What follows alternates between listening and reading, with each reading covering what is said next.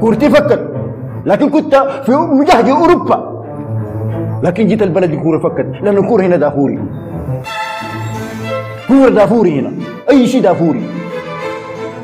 السلام عليكم ومرحبا بكم. معنا في حلقة جديدة من بودكاست دافوري. بودكاست خلانك المفضل. بودكاست خيلانك المفضل الباحثين عن الثلاث نقاط في الحياة. معكم كالعادة في الاستضافة أحمد الفاضل وزملائي مصطفى نبيل. أهلا بكم في أسبوع كرة الرجال. وحسن فضل. أهلين وسهلين. نعود معكم في أسبوع جديد وحلقة جديد من دافوري الإنجليزي. بعد توقف الأسبوع السابق. أيوة، أنا عارفكم كنتم متحمسين شديد للحلقة دي نسبة لأحداث الأسبوع ال- المجنونة. في ناس كانت متحمسة للحلقة دي لحد قبل ساعة يا حسن. بعد ده كله طموحاتهم خربت انت قصدك أنا منهم يعني ولا شنو؟ لا ما أظن إن أنت منهم أنت كسرت حنك توتنهام خلاص صح؟ آه ما ما من ناحية توتنهام من ناحية أرسنال. آه كنت متحمس. آه ال space آه والله مع الأسف يعني فاتتني فرصه صديق البرنامج عمرو كرس لي قال لي ليه ما عملت space بعد ما الفيل خسر؟ يعني بعد ما أرسنال خسر. أنا قلت له أتكلم مع مصطفى وحسن يعني أنت كيف تجيني أنا؟ تجيني أنا تقول لي أفتح space عن, عن خسارة ارسنال والله كنت كنت عايز أعمله أو المفروض أعمله لكن كنت برا لكن هسه ما دام السيتي خسر الليلة الحمد لله إنه ما عملت يعني شكلي كان بيش شديد يكون كان حيكون شكلك بيش ها؟ آه فالحاجات جات كويس يعني. جات كويسة معي. ففعلا كان أسبوع حافل يا أخي وعندنا مواضيع كثيره المفروض نتكلم عنها ومباريات كثيره بس قبل ما نبدأ كالعادة لازم أذكركم بشيئين اثنين. رقم واحد إنه عندنا group أنا ليه كل مرة بقول group هي دي حاجة مرتبطة بالفيسبوك. كل ما أفكر في الفيسبوك إنه في group بتاع فيسبوك. مم. ولا أنا عشان في التليجرام group اسمها قناة. جروبات كثيره لا لا عندنا صفحة في الفيسبوك حقت بودكاست دافوري. حد هسه ما وصلنا فيها ألف like ذاته. يا جماعة الحاصل شنو يا أخي؟ عيب والله. والله العظيم. أرسنال خسر امبارح جاتنا 5000 رسالة يا man في كل المنصات. لكن ما عندنا 1000 like في الفيسبوك. الحاصل شنو؟ فساعدونا يا أخي حتى إذا أنت ما بتستخدم حساب الفيسبوك بتاعك خش اعمل like وبعد بس اعمل نايم. فعندنا صفحه فيسبوك دايرين آه، ننشرها يعني فساعدونا بدعمها. رقم واحد. رقم اثنين إذا داير تنزل حلقات بودكاست دافوري في موبايلك عشان تسمعها في أي وقت شئت وأي مكان شئت فعندنا group بتاع تليجرام اذا خشيت group التليجرام بتاع بودكاست دافوري هناك تقدر تنزل حلقات في موبايلك وتسمعها وتفضل في موبايلك. بعد ذاك ما تضطر تقلق من موضوع. أكون شابك في النت أخش الساوند كلاود ما أعرف أخش كل الحاجات دي. رقم اثنين. لما نرسل لكم إنه ما في حلقة الأسبوع ده كله ترسل الايموجي الناس كانت دقة جرس الأسبوع اللي فات عشان والله سجل أي. زول خدت ايموجي تحت و thumbs down وبتاع كتبت اسمه برضه في التليجرام. بتظهر لي اساميكم شايفكم. أنا أنا كنت مبسوط إنه الأسبوع اللي فات فيه حلقة إسبانية بس عشان تعرف إنه ده الدوري الأفضل في العالم يعني. الإنجليزية ما يستاهل الحلقة. أنا كنت من المروجين لفكره عدم التسجيل الناس برضه كانوا مستنيين الحلقة دي عشان أرسنال خسر في الكاس كان من مانشستر سيتي. والله؟ يفضل عنده اهدافه آه هيكون عشان شنو يعني؟ يا أخي إنه دول قاعدين يحكوا ده الزير فاضي وقاعدين يحكوا تحت يا مان عشان يطلعوا منه قطرات موية. ده شنو أنت شنو؟ قاعد تستفز في الناس يا مان. فتتحمل سقوطك يا. مان. كويس زيت. مبسوط كده أنا معناها فديل الإعلانين الاثنين كنت أذكركم بهم قبل ما نبدأ حلقة الأسبوع ده. في شيء ثاني المفروض أقوله؟ أيوه. طيب أنا قالوا لي ناس كتار إنه شنو؟ واحد رسل لي قال لي يا أخي أنا داير أعلق في الساوند كلاود لكن ما عندي ايفون فهو قايل إنه عشان تقدر تنزل الساوند كلاود لازم يكون عندك آيفون أنا ما أعرف ال- القصة دي جات من وين لكن الحاجة دي ما حقيقية تقدر. تنزل ال- الساوند كلاود في أي موبايل تفتحه في الموبا... تفتحه في الكمبيوتر في اللابتوب أي في أي مكان. السامسونج في الأندرويد. اللي عندك أي شيء يعني. أيوه والتعليقات اللي بنقراها كلها من الساوند كلاود بس يا جماعة ما حبا في الساوند كلاود لكن هو المنصة الوحيدة المركزة كده نقدر نجمع فيها التعليقات كلها في مكان واحد أنا عارف في ناس مثلا عندها موبايلات ما ما بتلقى الساوند كلاود أصلا في ال store يمكن لأنه نسخة قديمة منه ولا حاجات زي دي. فأنا مسجل المشكلة دي يعني لقدام حن حنشوف لها حل ححاول أعمل حاجة كده ما أعرف أسوي. مثلا ممكن نخلي أسبوع نقرأ التعليقات من منصة واحدة مثلا. يعني مثلا حلقة الأسبوع الجاي نقوم نقول في ال post ده يزول يكتب تعليق تحتيه وبنقرأه بعد ذاك في الحلقة. الأسبوع اللي بعدين اوديها تويتر الأسبوع اللي بعدين عشان نمسي stick لكن بيتنا الأساسي لحد هسه ساوند كلاود. أي أي فهمتني. فبس خلاص دي كل الإعلانات اللي كانت موجودة عندي. حاليا إحنا بنسجل وفضل حوالي ساعة لمنتصف الليل. كويس وإنتوا عارفين دافوري لما يكون شغال منتصف الليل بيحصل شنو؟ فإذا بعد نص ساعة كده الحلقة دي بدأت تكتر فيها الخارجيات وقف الحلقة وتعال اسمعها بكرة بالليل منتصف الليل. بعد ذاك حتفهم أنت الكلام اللي إحنا بنقول فيه. والله ده عذر جديد يعني ده عذر جديد صراحة. عذر جديد لشنو؟ ليك أنت ده خارجياتك وأغلاطك العربية الكثيرة دي بقيت ترميها في التوقيت. طيب لا، خلاص لا. دي, دي نقطة ممتازة. هسي ممكن نبدأ بها قبل ما نخش للمباريات فكان في كمية من التعليقات في الحلقة اللي فاتت دي خليني أذكر لكم بعضها. عبود علي قال بودكاست جميل ومتابعكم من الأردن. ما شاء الله. أهلا بكم يا أخي. زايد. اتعلمت اللهجة السودانية منكم برضو. أهلا بك يا عبود. و اكتب لنا حاجة بتعلمتها مننا. ورينا المصطلح هل اللي. بنتكلم بسرعة زي ما الناس بيقول؟ مم. مم. الطيب جيان قال لكم وحشة والله طولنا منكم. ومصطفى كباشي قال والله أفضل برنامج لجمع الثلاثة نقاط. في وعلى وإن وبالحياة واللغة العربية دي أكسر حنكه خلاص. يا سلام. معاك يا أحمد. جوطوها ساي زي ريال مدريد على قول مصطفى وحسن ده أحمد عاداه وبقى يخلط. كويس آه، رم طلعت في نص الحلقة. أيوه طلعت في نص الحلقة أنت صح. أنا عندي اسبابي مختلفة. عبد العزيز أحمد قال أنا شغال توصيل طلبات والبودكاست ده ما مقصر معاي نهائي. بيقصر عليه المسافات حسي بفكر جديا أديكم نسبة. يا سلام. أيوه بعدين نعمل لنا البودكاست باشتراك بعدين تقعد تدق لنا جرس بتاع غيرته بتاع لا أنا عجبني التعليق ده ده كلام ممتاز شديد. أو وصل لنا حاجة يعني. أحمد ده جيب له شاي ولا جيب له حاجة؟ الأمين محمد قال يا سلام يا أخي استمع في المواصلات الصباح دافور الإسباني وفي الرجعة أسمع الإنجليزي. ترتيب كويس. محمد فاروق قال يا سلام يا أخي تسمع دافوري بكوباية قهوة وأنت في الغربة. وأيمن أورو قال تسمع الحلقة وإنت بتعمل في نموذج العمل لشركتك الخاصة وحاجة في منتهى التوفيق والسداد. ونتمنى لك أخي التوفيق ما شاء الله. يا أيمن يا أخي. مم. الفاتح تطلع قال تخصصات مختلفة. والله يا فرد الواحد بقى يتابع الماتشات بمنظور مختلف مكنة المحلل ركبت بسببكم. يا جماعة إحنا ما محللين يا ما تركبوا فينا البتاع شرطة أحمد الفاضل قال أنا شايف تتم توسعة العنقريب ويضم الأبراج وأحمد الفضل واللغة العربية وشافي. هو وقع في الغلطة على السريع قال اسمك غلط فشنو؟ خلاص ما إحنا بنحذف منه وبيشتكي من. اللغة العربية كمان أيوه. ده أنا حسن الفضل هو اسمه أحمد الفاضل. فأنت كده جطة يا أخي. كمان في ناس بيقول لي محمد الفضل في ناس بيقول لي آه، أحمد نبيل في ناس المصطفى أحمد قال في بتاع صالون في شارع الصحافة زلط لقيته مشغل البودكاست في الصالون عنده. يا سلام. ده والله تعليق ممتاز شديد يا أخي. دي حاجة ممتازة جديد والله. هاي. بوي قال أنا حقول بس بوي كاسمه لأنه اسمه صلح ال- اليوزر نيم ده عباي الحظ قال معاكم عمر أنا الدكتور حقي كان بيسمع في البودكاست وهو بيعمل لي في عملية. عاوز أكد وأقول إنه أنا الجريح برضه كنت بسمع البودكاست والعملية شغالة. لا دي ما بسط يا جماعة قول بسم الله.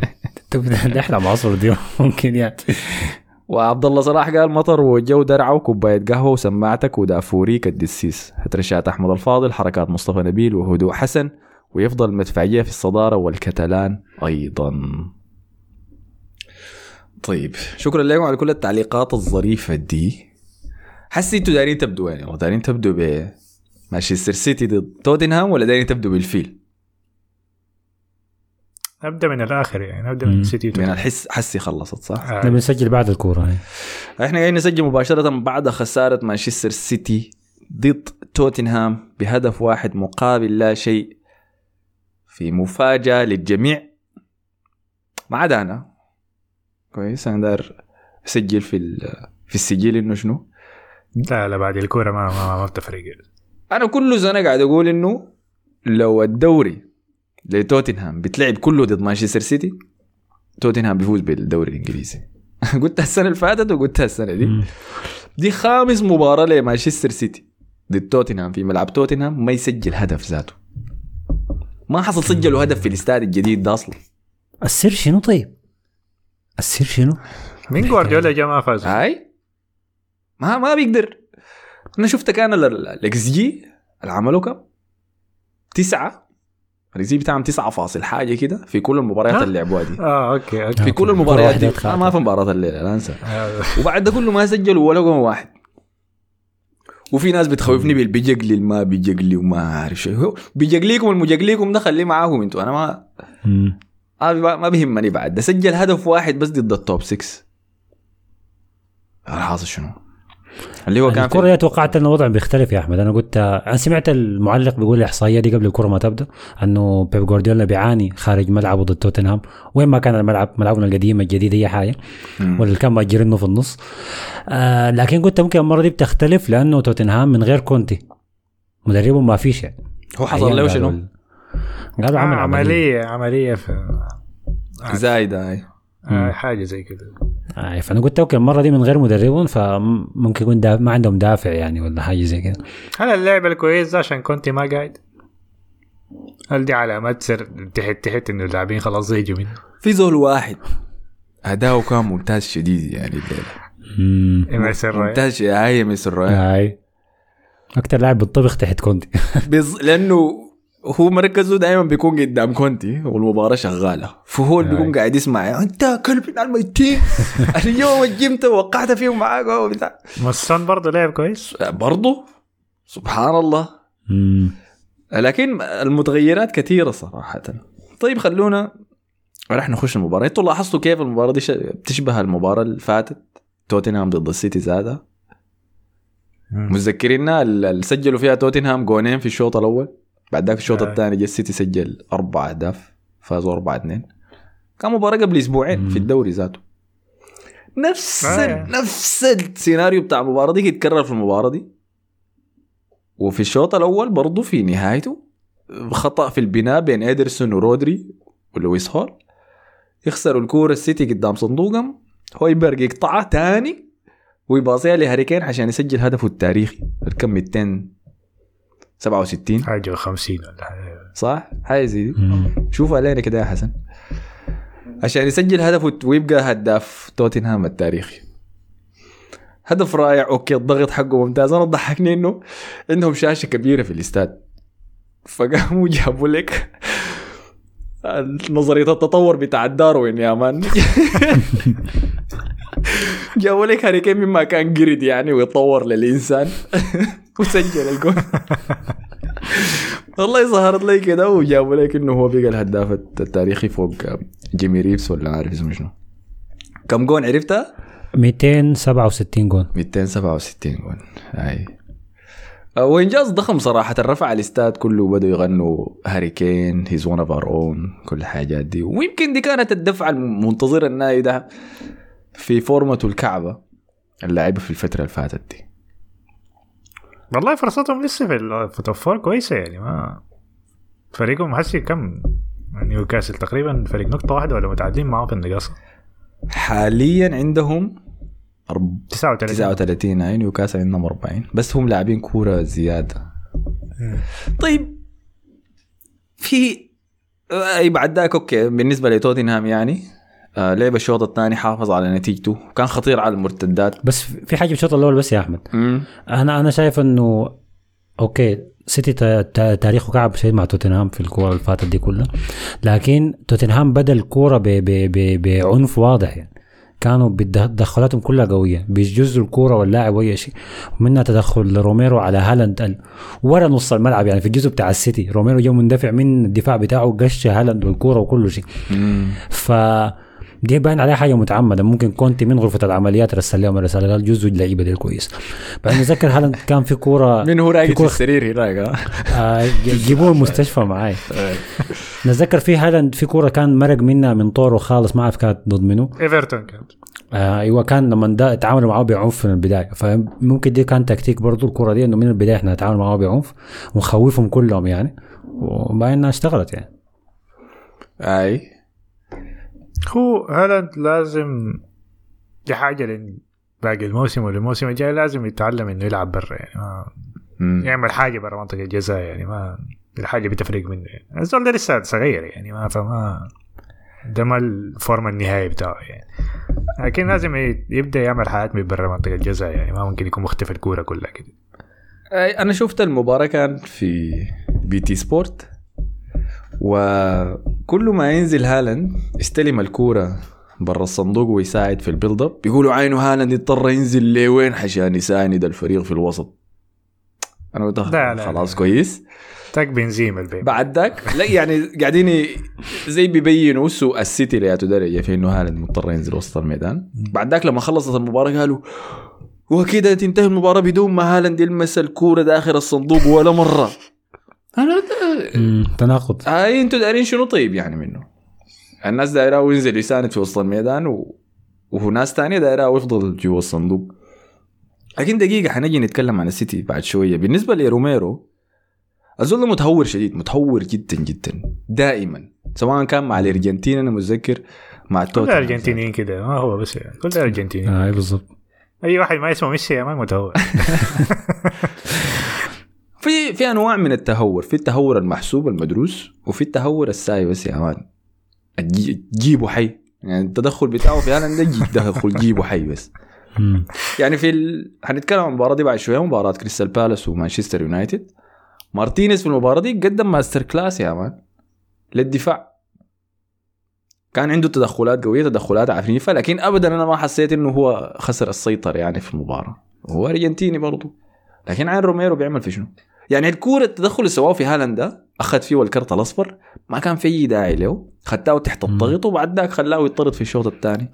هو ما في داعي له فرديا لكن ممكن تقدر تكون خطة مدروسة إنه إحنا لازم نلعب بعنف ولو لو نضحي بلاعب ياخذ كرت أصفر وينطرد بعدين ما مشكلة لكن نفوز. لكن هو يتذكرني. يعني. بالضبط. يعرفني أنا قاعد يعني. فممكن يعني ما استبعدها فده كان شيء. الشيء الثاني آه دقيقة. خليني أخلص الحتة عن توتنهام بعد ذاك أمشي للسيتي. ثاني كان في شنو في موضوع توتنهام؟ الشوط الثاني لعبوا كويس. كولوسيفسكي كان ممتاز. آه سبب مشاكل لهم آه كلهم كانوا ممتازين. إميرسون ريال كان رائع. رائع. مم، ممتاز شديد. أي. ممتاز شديد. أنا أنا أنا ممتاز لدرجة بقيت أشك هل هو كويس الليلة ولا جريليش هو الكعب؟ بقيت ما عارف أحدد ذاته في شنو يعني. وما قدرت أصل لنتيجة لكن كان كويس فعلا يعني. ما غلط ما عارف كم مرة جريليش قدر يراوغ ايمرسون ريال ممكن مرة واحدة بس. المرات كلها كان بي- بيطلع بالكورة.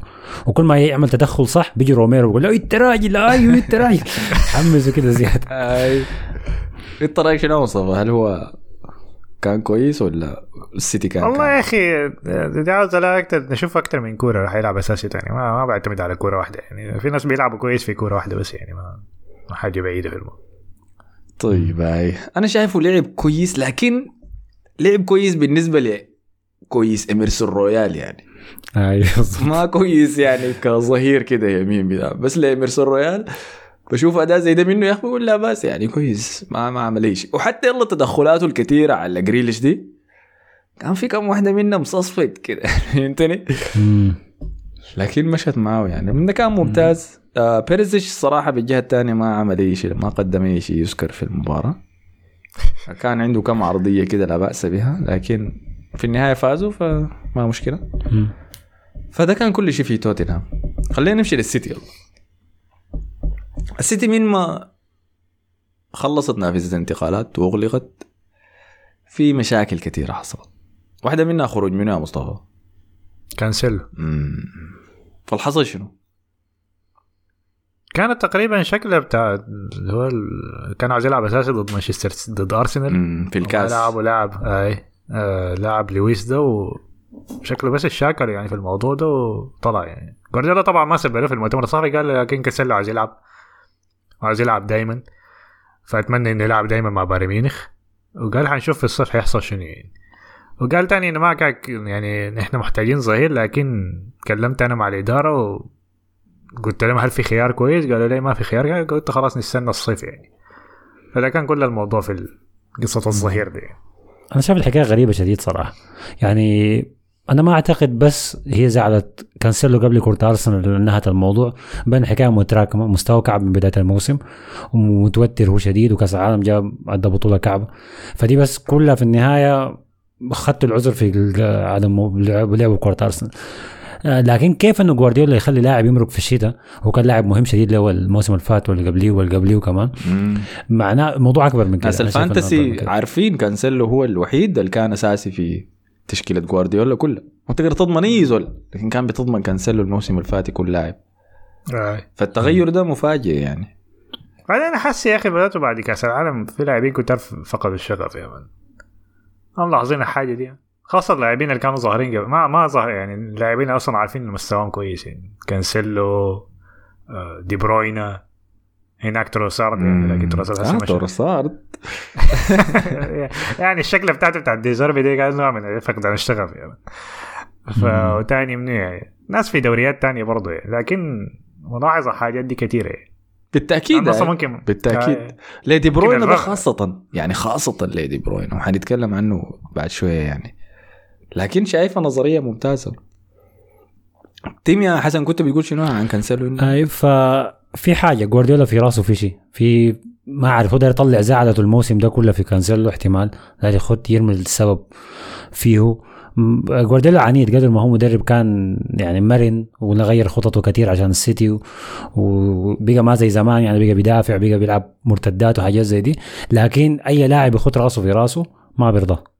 بياخذ الموضوع شخصي طوالي وصلعته بتكبر. كيف؟ تقول لي أنا كده. ف لاحظ إنه ما خدته مثلا وقال بالضبط. لح- في حلول كثيره شديد يعني. يعني كيف تاخد اللاعب بشعر ده؟ مكان كانسيلو ما عندك الموسم طويل لسه بالعكس الموسم هسه جد هيبدا هسه يعني. فيعني في حلول أحسن من دي كتير. خليه دكه اتكلم معه شويتين لاعب وكم كورة. الأمور بتتحسن يعني لكن هو عنيد شديد جوارديولا. ودي من حياة الكعب. وما عنده أجنحة حسي. خلاص. ده آخر جناح فضل كان. إذا بنقدر نسميه جناح. وحسي طلع محرز وين كان؟ يا انت لسه زيت زيت. محرز قاعد يلعب كويس والله. العالم شنو مالك اي لكن هو ما جناح. هو بعد ما جناح خلاص. هو المهم يعني. هو زي جريليش هو عشرة بيلعب في ال- في الجناح لكنه ما جناح.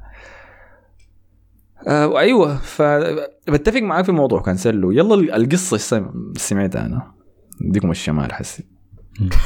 كويس. إنه حصلت مواجهة بيناتهم الاثنين في التدريبات. وكانسيلو شال الكورة وجدعها في جوارديولا عادي كده. شفتها فلما حصلت اللقطة دي دي كانت نقطة اللا عودة يعني. أيوة. قام روبن دياز. جا مسكه وجر كانسيلو يعني وزحه منه. يعني انت مجنون ولا شنو؟ بتعمل في شنو يا man؟ ولحظتها قام جوارديولا قال والله عليه الطلاق كان جا شفتها كانت جات الملاك ديل كلهم جو هنا حرم ما يلعب بتلبس الفنيلة دي تاني وطوالي تم شحنه ل لكن والله. عقاب كويس يعني. تخيل انت لاعب انت ضربت المدرب ودوك بايرن ميونخ. يا سلام يا أخي. وعرضوا أول شيء. لريال مدريد يا مصطفى. آه، آه، تذكر كل- فابريزيو كل يومين بيكتبها يعني ما ليش. يعني عرضوا لي تذكر بيريز قال لهم ها ظهير يمين لا لا عندنا ثلاثة إحنا. إن شاء الله. يلا. عندنا الاستبياز قاعد هناك في الأكاديمية. آه بس أنا أتوقع طيب أنا توقعت جوارديولا يعمل شنو؟ ينزل آه كانسيلو الفريق الرديف. ممكن. عقاب أحسن من ممكن، من. با- من بايرن ميونخ. لكن ما عمل. لا ما أظن جوارديولا بيعمل حاجة. بيخارج النص طوالي حركة الذل بتاعت فان خال دي ما عملها مع يايا توري لكن ما نزلوا الرديف. هي مع عيد الميلاد ومع عيد الميلاد الكيكه شكله يايا توري ما كان آه، في زول داير أصلا يعني يشتري لأنه راتبه كان ما ما تقليلا يعني لا يايا توري لكن راتبه كان كبير آه، شديد وهو كبير في العمر. كان عجيزة لكن آه فكان خلاص يعني ما في طريقة. فبس باسيلوي قال عن إعارة كانسيلو للبايرن قبل كم يوم شفت لقاء جوارديولا بعد كورة ما بتذكر كانت ضد منه المهم قال المشكلة اللي بيمروا بها حاليا هي عدم توافق الأظهرة مع الأجنحة. فده سبب مشاكل سبب مشاكل في الفريق عشان كده كانسيلو بقى ما بيلعب وفودن وواكر والجماعة ديل وشكرا. ممكن برضه مم. هو ما في زول شايف دي آه. هي دي مرحلة ممكن كده يعني مرحلة انتقالية بس يعني. ده, بالنسبة لي حسي أنا شايفه يعني بيذكرني اول موسم لجوارديولا. قاعد يتعلم يعني في فريق عايز يغير التفشير حسي ما نفعت حيقعد يعمل حيغير الفريق كله في في الصيف ويرجع لنا بفريق تاني يعني. آه. شكله كده. مدور تاني. شكله كده. هو هو عمل حاجات كثيره الموسم ده. يعني إذا مذكرين بداية الموسم كان كانسيلو ووكر الاثنين بيلعبوا معكوسين في وسط الميدان. مم. ده كله عشان هالاند يعني بقى الفريق كله بس خط مستقيم من الحارس لهالاند آه. بعد ده غيره بعد فترة بقى آكي بيلعب كمان مرات كظهير. والإصابات وستونز خط دفاعهم كعب. خط دفاعهم كعب شديد. أنا ما عجبني خالص صراحة فطيب نتكلم ده كانت التغيير الأول إنه كانسلو طلع تماما من السيتي. رقم اثنين دي بروين ما بدأ المباراة. نزلوا دكه وبدأ بالفاريس مكانه. في مفاجأة للجميع لأنه مشجعين السيتي. أنا بقول مشجعين هو مشجع واحد بس مشجع واحد للسيتي أنا سمعته قال. إنه اللي بيطالبوا بيهم إنه دي هالاند في المباريات الكبيرة ينزل الدكه والفاريس يخش كمهاجم.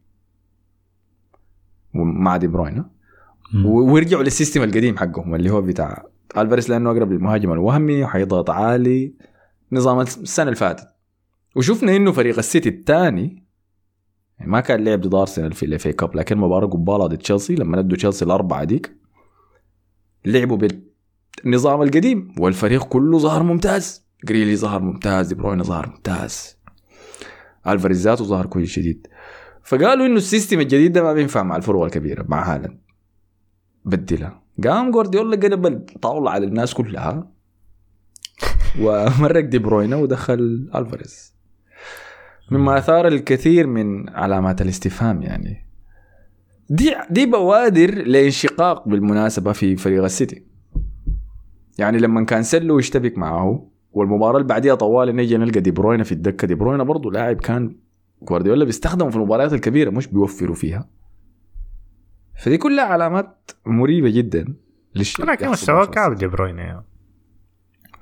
كم مرة قلنا كده عن دي بروين إنه بيكون لاعب مباراة كعبة وبعد ذاك في دقيقة واحدة أي لكن دي مباراة. فترة غريبة دي يعني. لأن السنوات اللي فاتت ما بيكون لاعب كعب بيكون مصاب بس بيكون مصاب الموسم كامل يعني. مم. أخذ إجازة هو العذر الساهل في فريق السيتي انه لو نغير زي ما أنت قلت إنه تغيير الخطة كلها عشان في راس حربة صريح.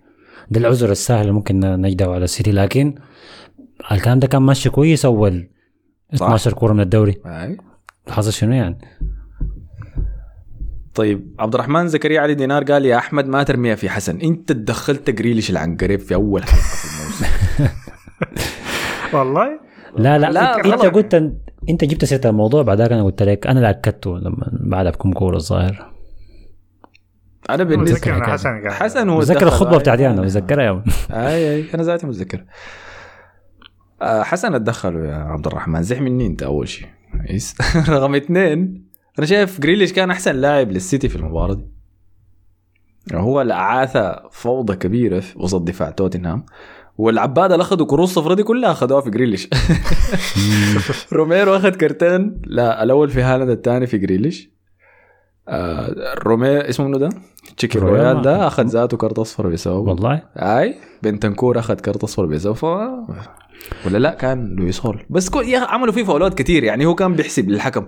يا أخي ده الأول ده الثاني ده الثالث ضر ده السادس. بعد فترة خلص اصابعينه ذاته قال له خلاص يا أخي. خلاص.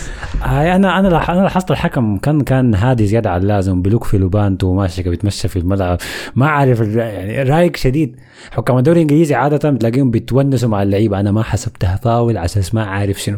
الحكم ده ما ما دار يدي كروت صفر لعيبه توتنهام كان كان بيت يعني بيتماطلوا كمان في ال... بيتمادوا في في الضرب كل مرة أكثر وقت وده شوفوا ال limit بتاع الحكم ده شنو يعني حد وين يعني. آه، لكن يعني مثلا في في ضربات كثير لرويال اللي ضرب فيها جريليش أنا توقعتها كرت أصفر. لكن حكم صح، مشاه. صح. ما هي آه، أحمد عثمان قال يا زول هالاند مهاجم تسعة صريح ما مطلوب منه صنع الفرص لنفسه. وفيليفو ما في مهاجم ما مطلوب منه الحاجة دي. يعني في في القدم ده؟ دي أيوه صعبة. يعني مش ما شايف برشلونة بيعاني كيف؟ ما شايف ريال مدريد. الليلة. ده الزبالة اللي بنزيما كان مصاب. ما صعبة شديدة. الا تغير؟ تكون تشكيلتك فيها 10 مثلا. آه، فيلي فودن قال هكذا يا أحمد واحد صفر. مان سيتي بلو.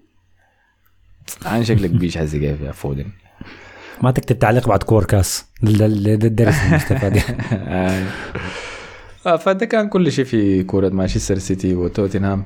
مم. كان عندهم فرصة ممتازة مانشستر سيتي إنه يقلصوا الفارق مع المصدر أرسنال لكن. واستمرت آخر نقطة.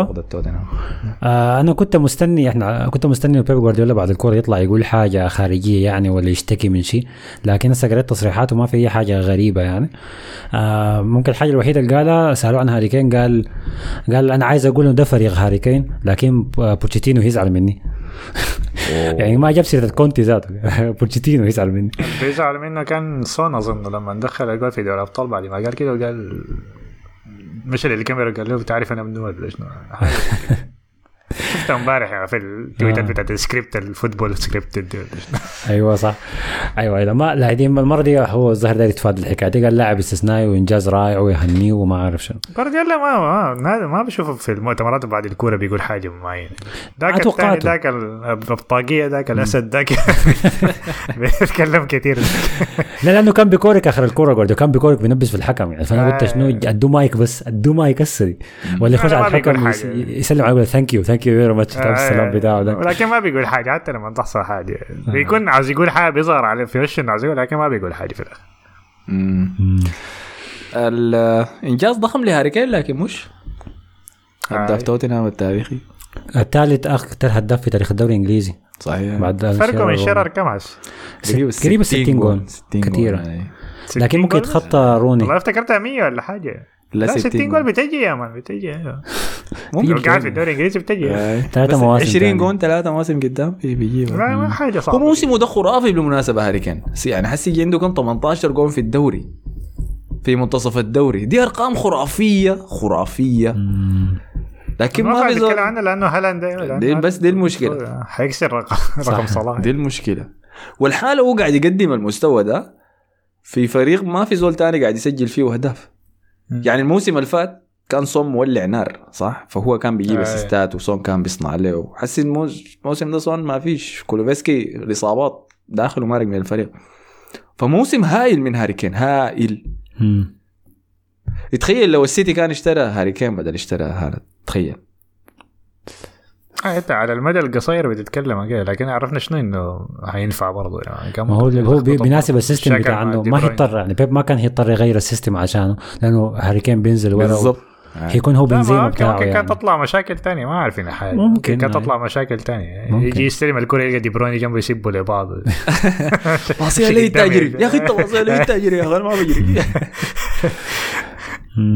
فده كان يفتش على هاري كيف الصدوية يلقوه قاعد تحت ما قاعد يصل- يلعب هو ده الشيء وانتوما. الغياص فيه وايد. يعني كان في لقطة كده بنتكور مسك الكورة وجاري ولو هاري كين جرى كان حيلعب له باص ورا الدفاع لكن هاري كين قال له لا لا اديني لي انت اجري تا- تلقى جوارديولا انسايد ذا بوكس هاري. يصرخ له من هناك. آه قبل ما نمشي نطلع من الكورة دي محرز إحنا طيب عشان ما الناس تزعل مثلا. في دارين الناس تزعل ليه؟ ما عندنا جزائريين بيتابعوا البودكاست. ده يزعلوا. لا لأنه form فورمته يعني. ممتازة وهو اللي فوزهم في المباراة اللي فاتت. كان سجل جون وصنع جونين. آه فلما جوارديولا بدلوا في المباراة دي مرق ودخل دي بروينا مكانه الناس كلها استغربت. ودى برناندو سيلفا الجناح. برناندو سيلفا السيء لسه. يعني. سيء كعب أيوه وهو مصر عليه مباراة تلو الاخرى. فالوضع مريب يعني.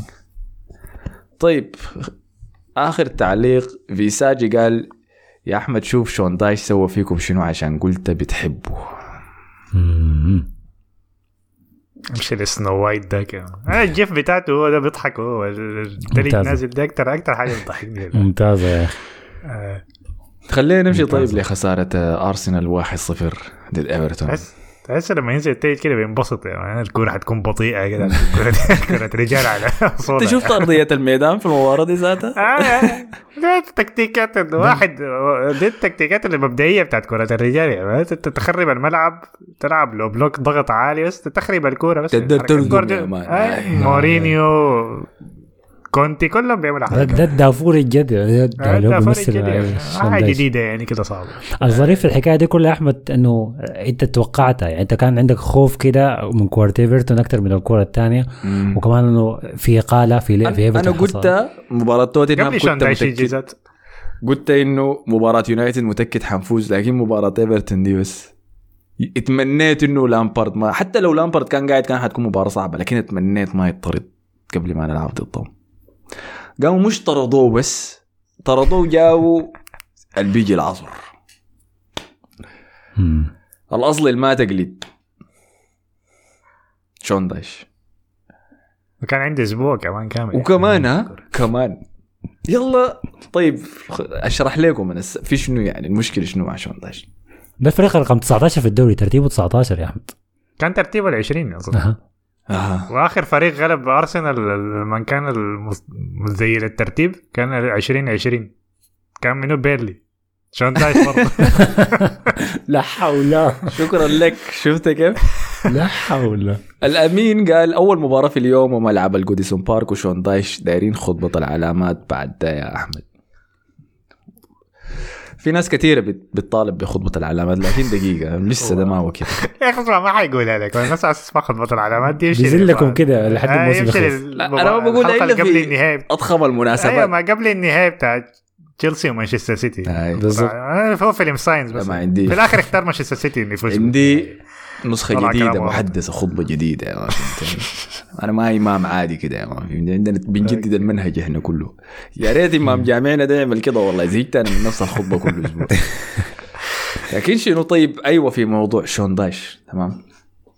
شون دايش في رأيي هو من أكثر المدربين المقلل احترامهم في تاريخ الدوري الإنجليزي كله. full stop نقطة عديل كده.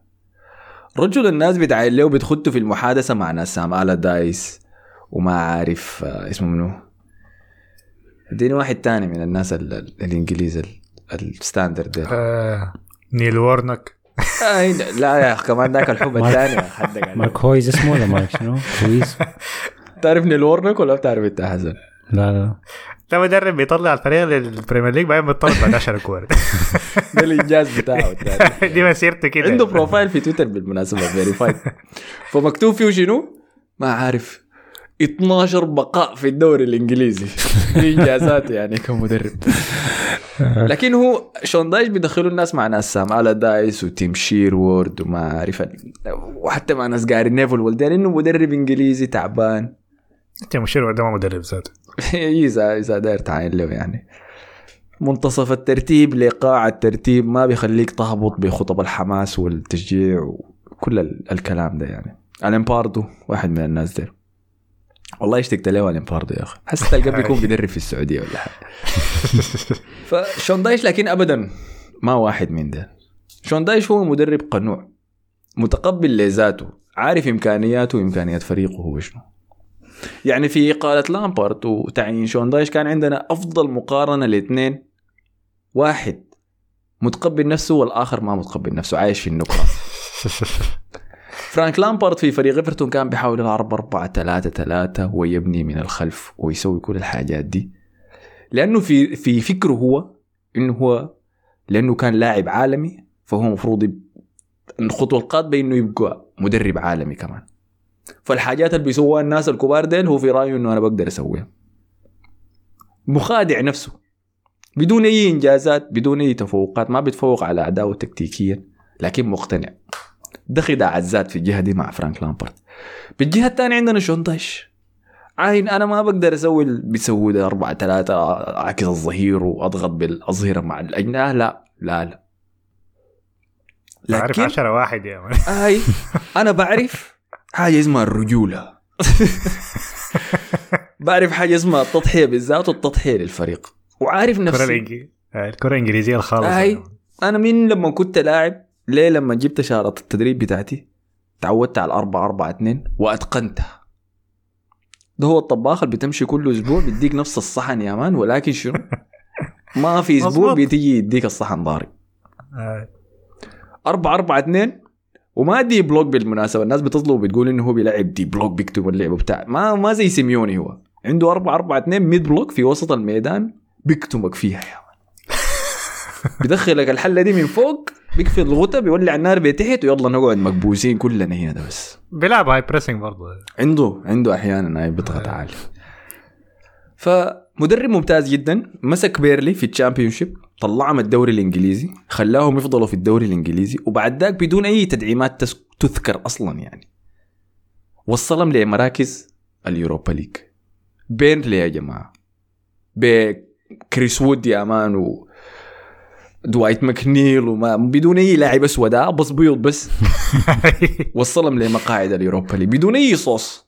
ده دجاج ما فيه أي حاجة ما فيه أي تتبيله بس بس. استلم إيفرتون يا مان لقى ثلاثة لاعبين سود شا شا أوه، لقى جماعة بيجروا يا مان. لقى يلعب ضغط عالي يا مان. ممتازة عشان كده يعني. أنا شايفه أكثر مدرب مقلل احترامه يعني في الدوري الإنجليزي. تقوم تشيله وتخده في إيفرتون. طيب وأوريك يلا شيل ال- ال- نقطة القوة بتاعت شون دايش. هي شنو؟ شون دايش يزدهر حيث يذبل الآخرون. الحتات اللي بيموتوا فيها باقي الناس شون دايش هو اللي بيتفوق فيها. يا أخي البودكاست بتاع إيفرتون ما مدح شون دايش قدر كده. ده لا لا ده تعيين مثالي يا حسن. أنت ما عارف الملعب ذاته بتاع الجمهور بتاعهم. الجمهور بتاعهم بتاع آه، اسمه نظرية نحن نحن ال- المظلومين. اي مظلومين وعين مستضعفين. ليفربول الفريق الكبير في هنا والملعب صغير يا مان والجمهور كله هايج يا مان وكارهين الإدارة. دي كلها اجواء يا مان دي- ده شون ده بالضبط. شكرا جزيلا لك. وازيد أوكي. أزيد الطين بله كان أنا كنت متابع سكاي سبورت يوم ال deadline شغيلة بس في التلفزيون ساي لكن ما قاعد أسمع بيقولوا في شنو. ف وحنتكلم طيب عن موضوع الانتقالات ده بعدين لما نصل لتشيلسي. لكن شنو؟ الإعلام بعامل يوم الانتقالات ده ال deadline زي العيد. مم. إنه عاينوا النادي ده اشتروا له شنو عاين ده جابوا له عجلة وده جابوا له عربية وده عاينوا ديل ويجيبوا لك مشجعين. أنا متحمس شديد أي جابوا لي كده وبتاع. فالنوادي كان بتجيب مشجعين من كل السكاي سبورت بتجيب مشجعين من كل نادي. قاموا قالوا فجأة على اثنين مشجعين ليفرتون قاعدين زعلانين كده. في شنو مالكم؟ ما وقعوا لنا أي زول ما جابوا لنا أي زول في نافسه الانتقالات. مدة العيدية. فحاسين إحنا بظلمان حاسين باكتئاب حاسين إنه النادي خزل المدرب. أنا شفت اللقطة دي قلت يا مان أرسنال حيخسر ضد إيفرتون خلاص. خلاص حيخسر لأنه شون دايش بيكون شايف الكلام ده كله وعارف الحاجات دي. فزي ما قال مصطفى قبل شوية إحساس ال- ال underdog إن إحنا مستضعفين إن إحنا ما في زول محترم من الناس ما متوقعانا نعمل أي شيء ضد مصدر الدوري. خلق كده شنو زوبعه مثالية؟ لشون دايش؟ حيحبوا يا مان ممتاز. أي. تعاقد 100% ما حيعمل أي حاجة في الدوري لكن حيكون تعاقد ممتاز بس كده. حيخليهم يفضلوا في الدوري ولا لا؟ آه حيخليهم يفضلوا. ممكن يغلبوا ليفربول مرة كل ثلاث سنوات بس يعني. آه دي كمان جاية هاي ديربي. ميرسي سايد. فالعمل شنو؟ حسا اول حاجة طلع. يا ريميني ما عاوز أي صوص ما عاوز أي كلام ما وقته. الناس مرتكزين خط عارفين الدفاع لازم يبقى أبيض ده, ده الأساس؟ الباقي ده. ممكن أنكهه شوي أوكي أوكي سو يا يمين ما لعب يعني. ما عليه ما عليه لعبت آه، اسمه شنو؟ تاركوسكي. وكودي تاركوسكي وكودي أيوه واسمه منو ده كولمان رجعوا من كولمان. ما في و والأوكراني ذاك. مويوكولو ما عارف اسمه شنو آه، ذاك. الاوكراني ذاك برضه عشان مستضعف كده أيوه. الحرب وكده. فأنا حسي متأكد إنه طبعا ادام كان ممتاز دفاعيا ممتاز متأكد إنه شون دايش مش حي حيخليه يطلعها من معارك الهبوط بس. شفت فيديو له وهو قاعد يدرب لعيبته قبل مباراة أرسنال دي؟ مخليهم يجروا في التلج يا مان وقاعدين يبكوا. آه، هو هو لابس شورت وهو لابس شورت اي كان داير يلبس قط كمان لكن ما داير يدرع أكثر من اللازم أنا شلت الفيديو ده رسلته لمصطفى قلت له عاين الناس دي حيخلصوا في ال top 10 ها؟ مين حسي أوريك؟ وده توقعي مين حسي أوريكم؟ شون دايش إيفرتون top 10 فخش في وسط المباراة دي ب أونانا أعوذ بالله. والله أنا شفت متذكر منه حاجات. آه، إدريس جاي. أليكس ووبي. الرابع كان منه آه، دكوري ولا دكوري ما أيوه. ديكوري كمان، ديكوري. وديكوري عشرة كمان ها؟ اكتشف إيه، اكتشف اللاعبين السود هنا. إمكانياتهم دفاع مع. السود لكن وسط كله سود لا، أوكي. ما دي هي أول تجربة له فيهم segregation يا فصل. أنا شافه في التدريبات؟ قال يا أنتوا سريعين كده ليه؟ في شنو؟ وليه يقول لكم ما بتدفروا من الكورة كده؟ والله يا أخي نجرب فده كان أول طاعة ذوق له كده ليهم وخلاص. تعرف كمان عمل في التدريبات شنو؟ أدى كل واحد كده زي استبيان يعني. أها. قال له اكتب الاسباب اللي انت شايفها خلت الفريق ما يلعب.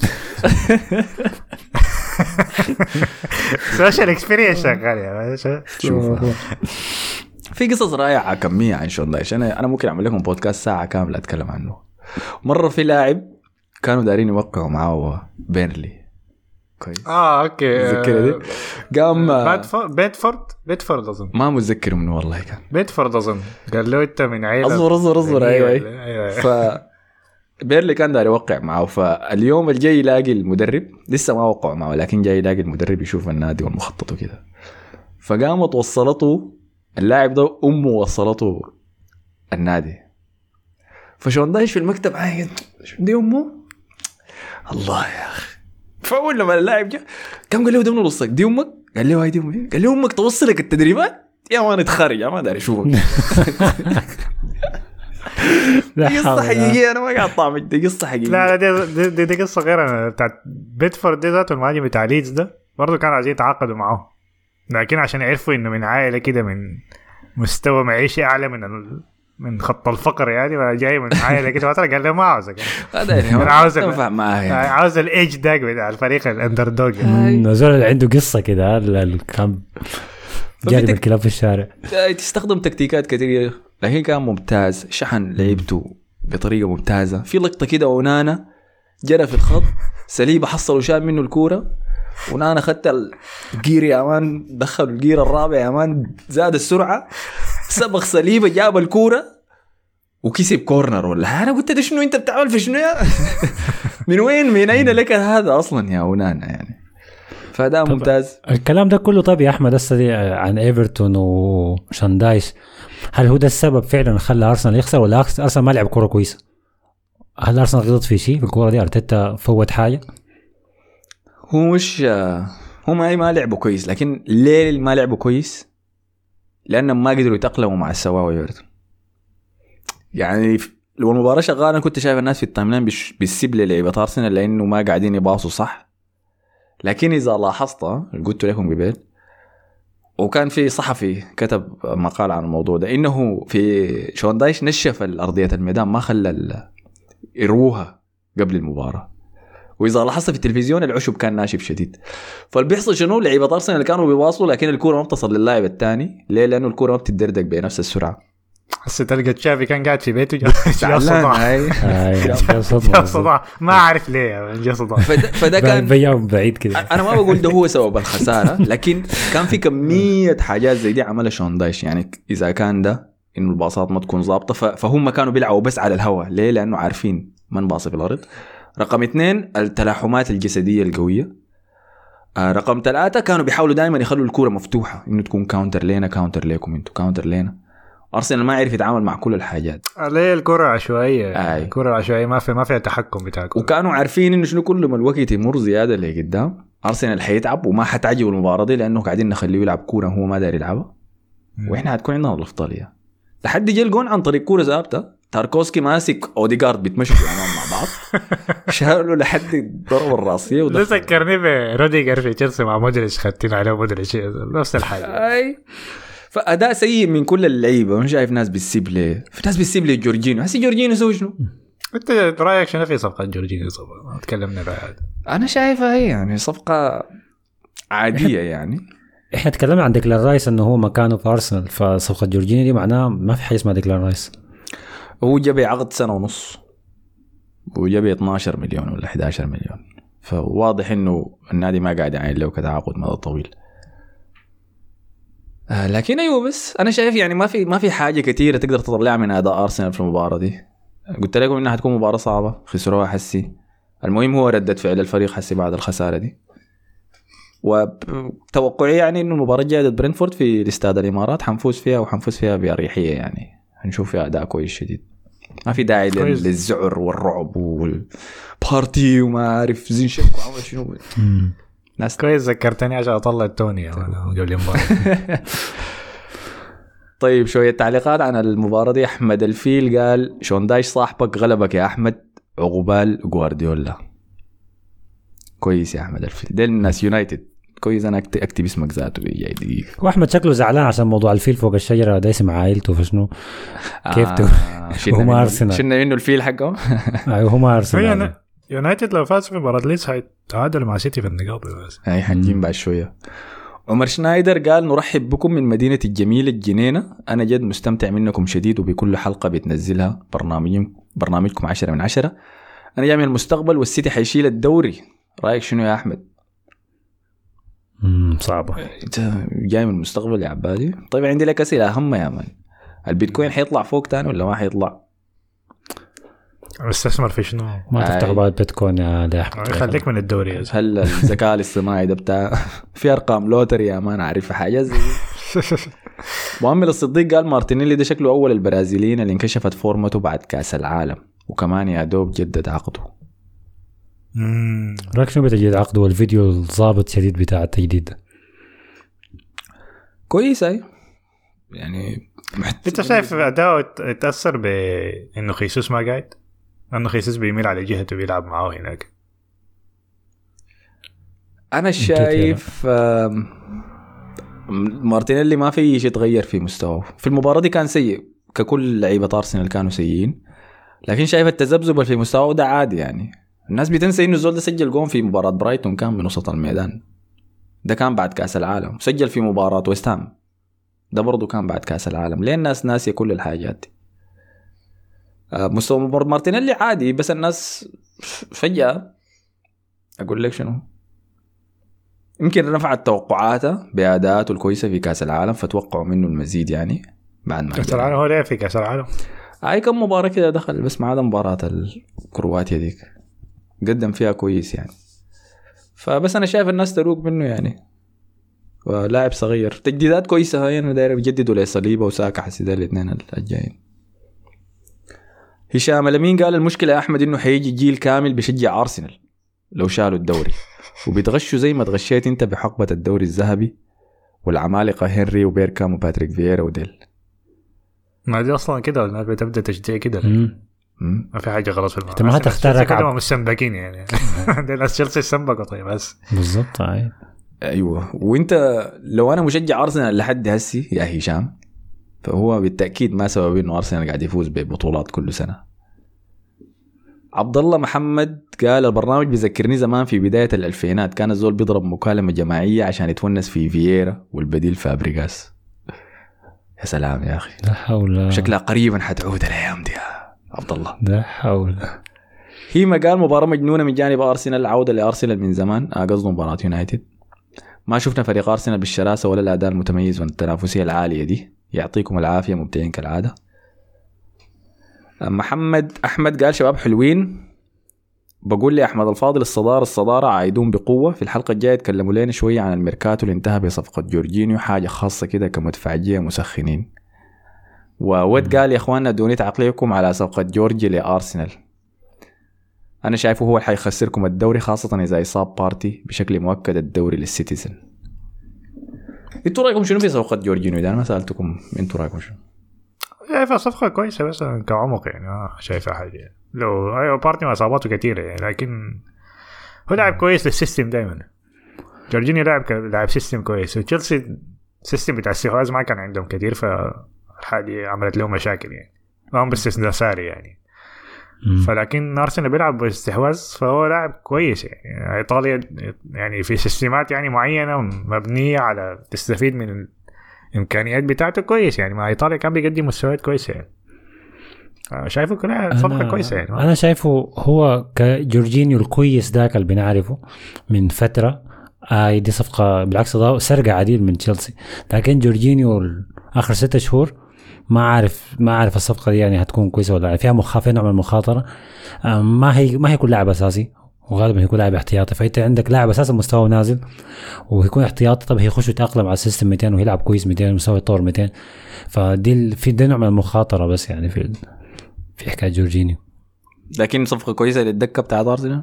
طبعا أكيد هاي أي. بس هو المهم. طيب فده كان كل شيء في ارسنال ايفرتون أنتوا الاثنين بتتوقعوا انه حنخسر ضد برينتفورد الجاي ولا حنفوز؟ لا لا هتفوز ده صحيح. كلموا الناس ال- الخايفة يا man بترسل لي طيب تشيلسي. نمشي لتشيلسي حسي اللي تعادل صفر صفر ضد فولم. هذا الملوك النافسة الانتقالات ها؟ أنا قبل قلت إنه شنو؟ الصحافة بتعامل نافذه الانتقالات دي زي العيد. عاينوا ديل اشتروا لهم شنو ديل عندهم شنو ديل دفعوا كم بتاع. فطلع في مصطلح جديد اسمه من فاز بنافذة الانتقالات. دي حاجة في حياتي أنا ما كنت بسمعها. طلع إنه في كاس شكله بتاخده. لما تدفع كثير وتتعاقد مع لعيبة كتار أنت فزت بنافس الانتقالات. تلقى له زي البولي طبعا. في الصيف أنا متذكر قالوا إنه توتنهام فاز بنافسه الانتقالات ها؟ وحسي ينظروا ما الذي حدث. خلاص يا خلاص. والله حلب البتاع ده من- لا ما قصدي ما قصدي ما كان حسن ذاته. انت قلت انهم حيفوزوا في الدوري ديك خليها برا. في ناس كانوا بيقولوا إنه صفقات توتنهام دي كلها حتخليهم ينافسوا على الدوري. واو واو. صفقاته في الدوري على الورق كانت كويسة يعني على الورق. على الورق. لكن ما كانت كثيرة شديد بالمبالغة بتاعت تشيلسي. ما في مقارنة خالص يعني. بالتأكيد. لكن شنو؟ في النهاية الانتقالات هي مجرد انتقالات. ما بتترجم على اداء في أرضية الميدان. فالناس اتحمست شد كتير واحتفالات وعاين جبنا كان منه إنزو فرنانديز زي هو جابوه في اليوم الأخير؟ في آخر ساعات إيه. إنزو فرنانديز ال- قبل كم كورة مع بنفيكا باس الشعار بتاع النادي وقال لهم أنا قاعد. آه، آه. عشان حركات تعرفوا يا جماعة أي لاعب بيصرح بتصريح ما تصدقوا. اللعيبة دي بيتكلموا بعد الكورة هم مسخنين ونفسهم قايم ما عارفين بيقولوا في شنو. ما تصدقوا اللعيبة دي. فتشيلسي قدموا عرض إنزو فرنانديز في قبل ساعتين ولا حاجة شيء ارسل رساله من كتب رسالة لرئيس النادي قال له عليك الله خليني أتخارج. بعدين فابريزيو رومانو كان عامل له Twitch stream يا man. أعلن الصفقة أظن آخر حاجة كم ساعة ولا مم. أي.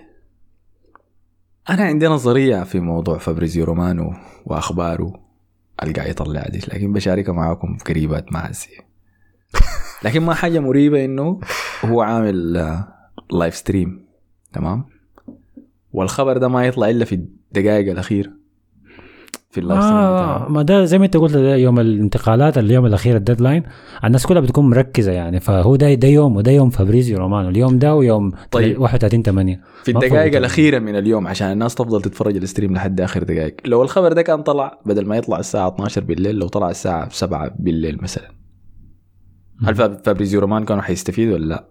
هاي برضه هيستفيد انت, عايز انت. شايف ال influence بتاعه كبير شديد لدرجه انه بيقدر يأخر الصف... وقت الصفقات يعني؟ يقول لهم ما تعلنوا لحد ما لا أنا شايف إنه النوادي بتستخدمه لأجنداتهم هم. سواء كان في تلميع صورتهم العامة ولا في تحريك صفقات أخرى برضه فزي صفقة إنزو فرنانديز دي لما شفنا الأرقام اللي طلعت منها إنه حتدفعوا ما عارف ست ست دفعات على مدى 52 سنة. بيشتروا بيت ما لاعب ما أعرف هاي الحياة الكثيرة اللي سووها دي. طلع إنه ما كان في شيء مفاجئ كده في الصفقة. طيب أوكي. نقول النظرية بتاعتك دي ممكن تكون صح لكن ما تود بويلي ما ذكي شديد للدرجة دي إنه يبدأ يلمع صورة. ما- زول غبي آه يعني. صح آه. ما هو. فاضي هو فاضي ما, لحاله ما تود بولي آه. بنفيكا بنفيكا.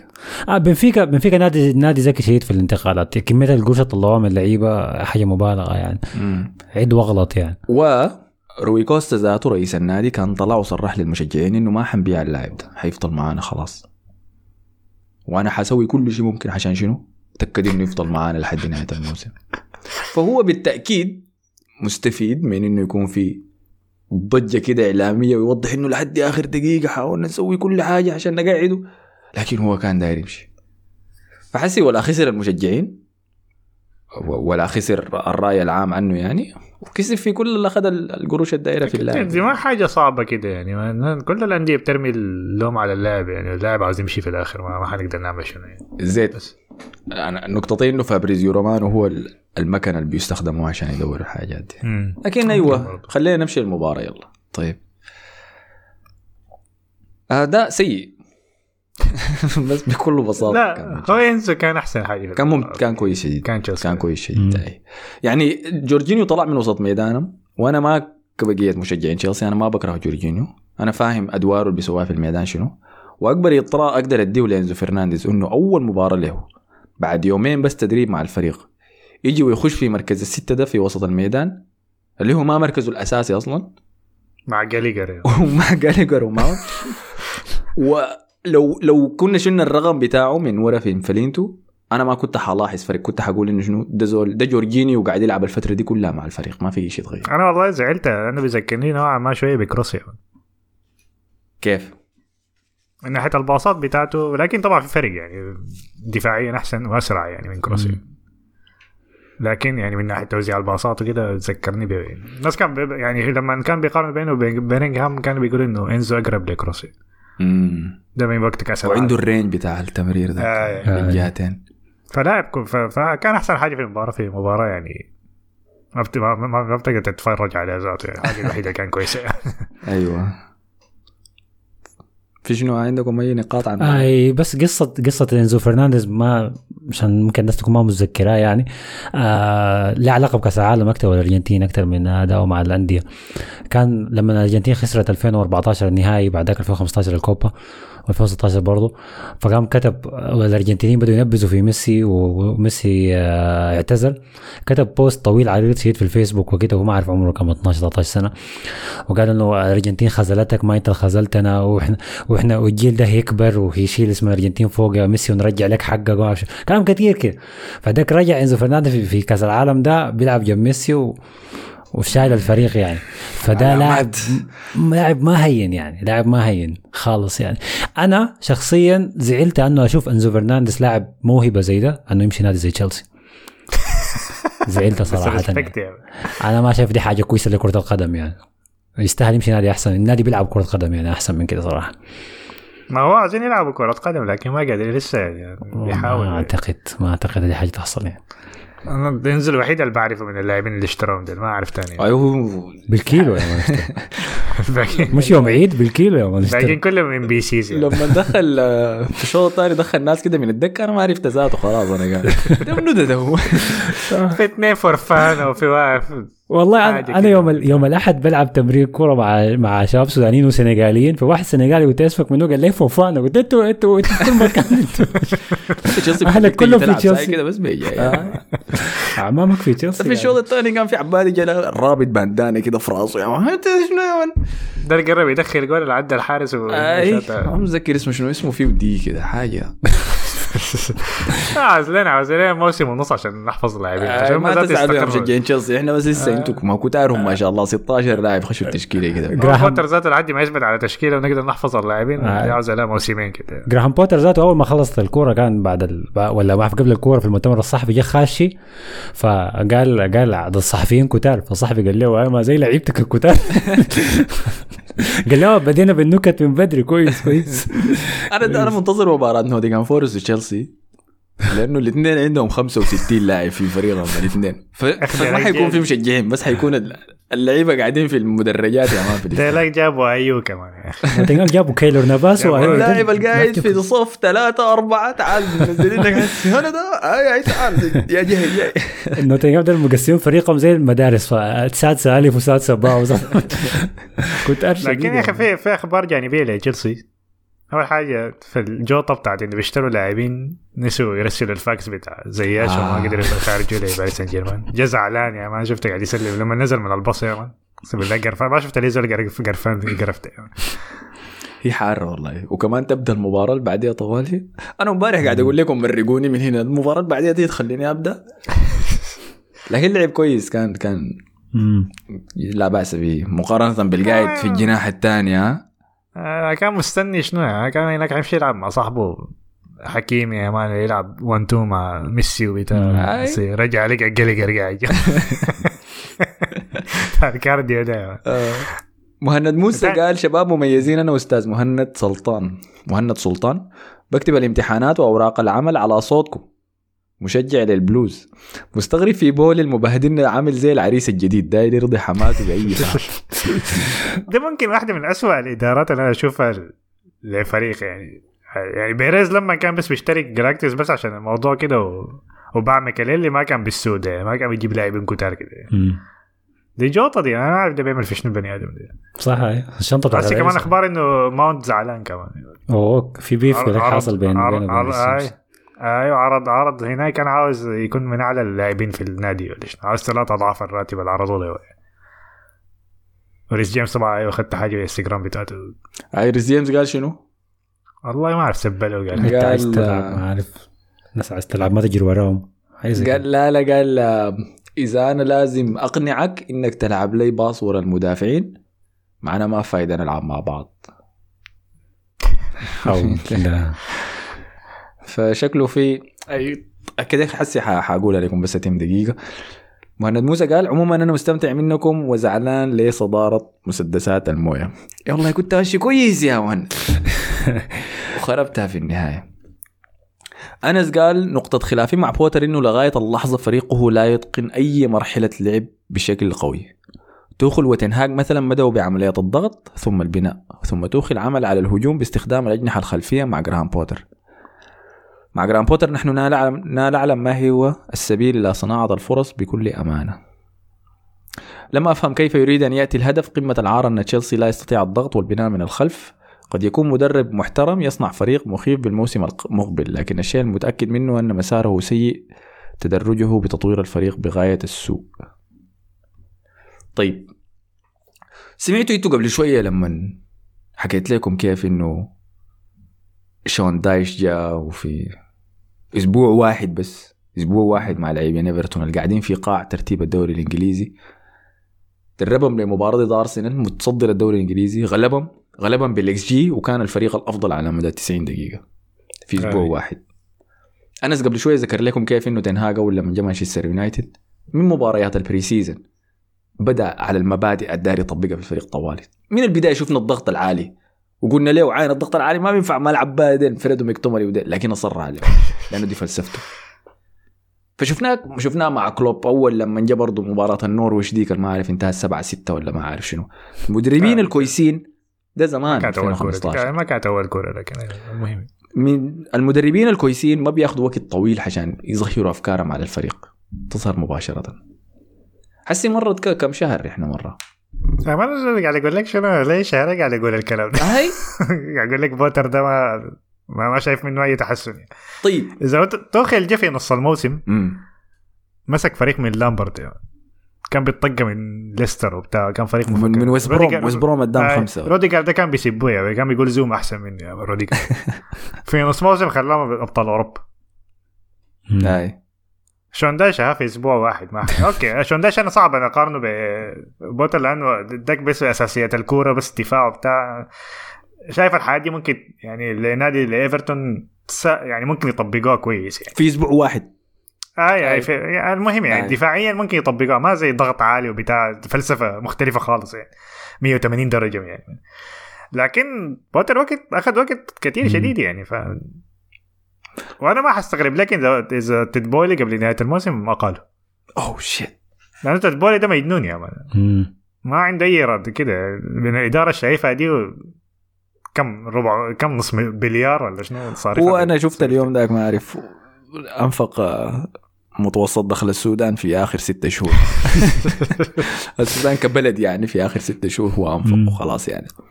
هو ما قدر يشتري يعني بلد والله ما قدر في- يشتري له بلد كده ولو صغير بحب العباده كده كثير مشتري السودان يعني. هذا يا تعال المصدر قبل- فهمتني. آه. قبل نهاية الموسم عادي يقيلوا يعني ما آه انت لو تشوف ردة فعل آه، تدبويلي في المدرجات.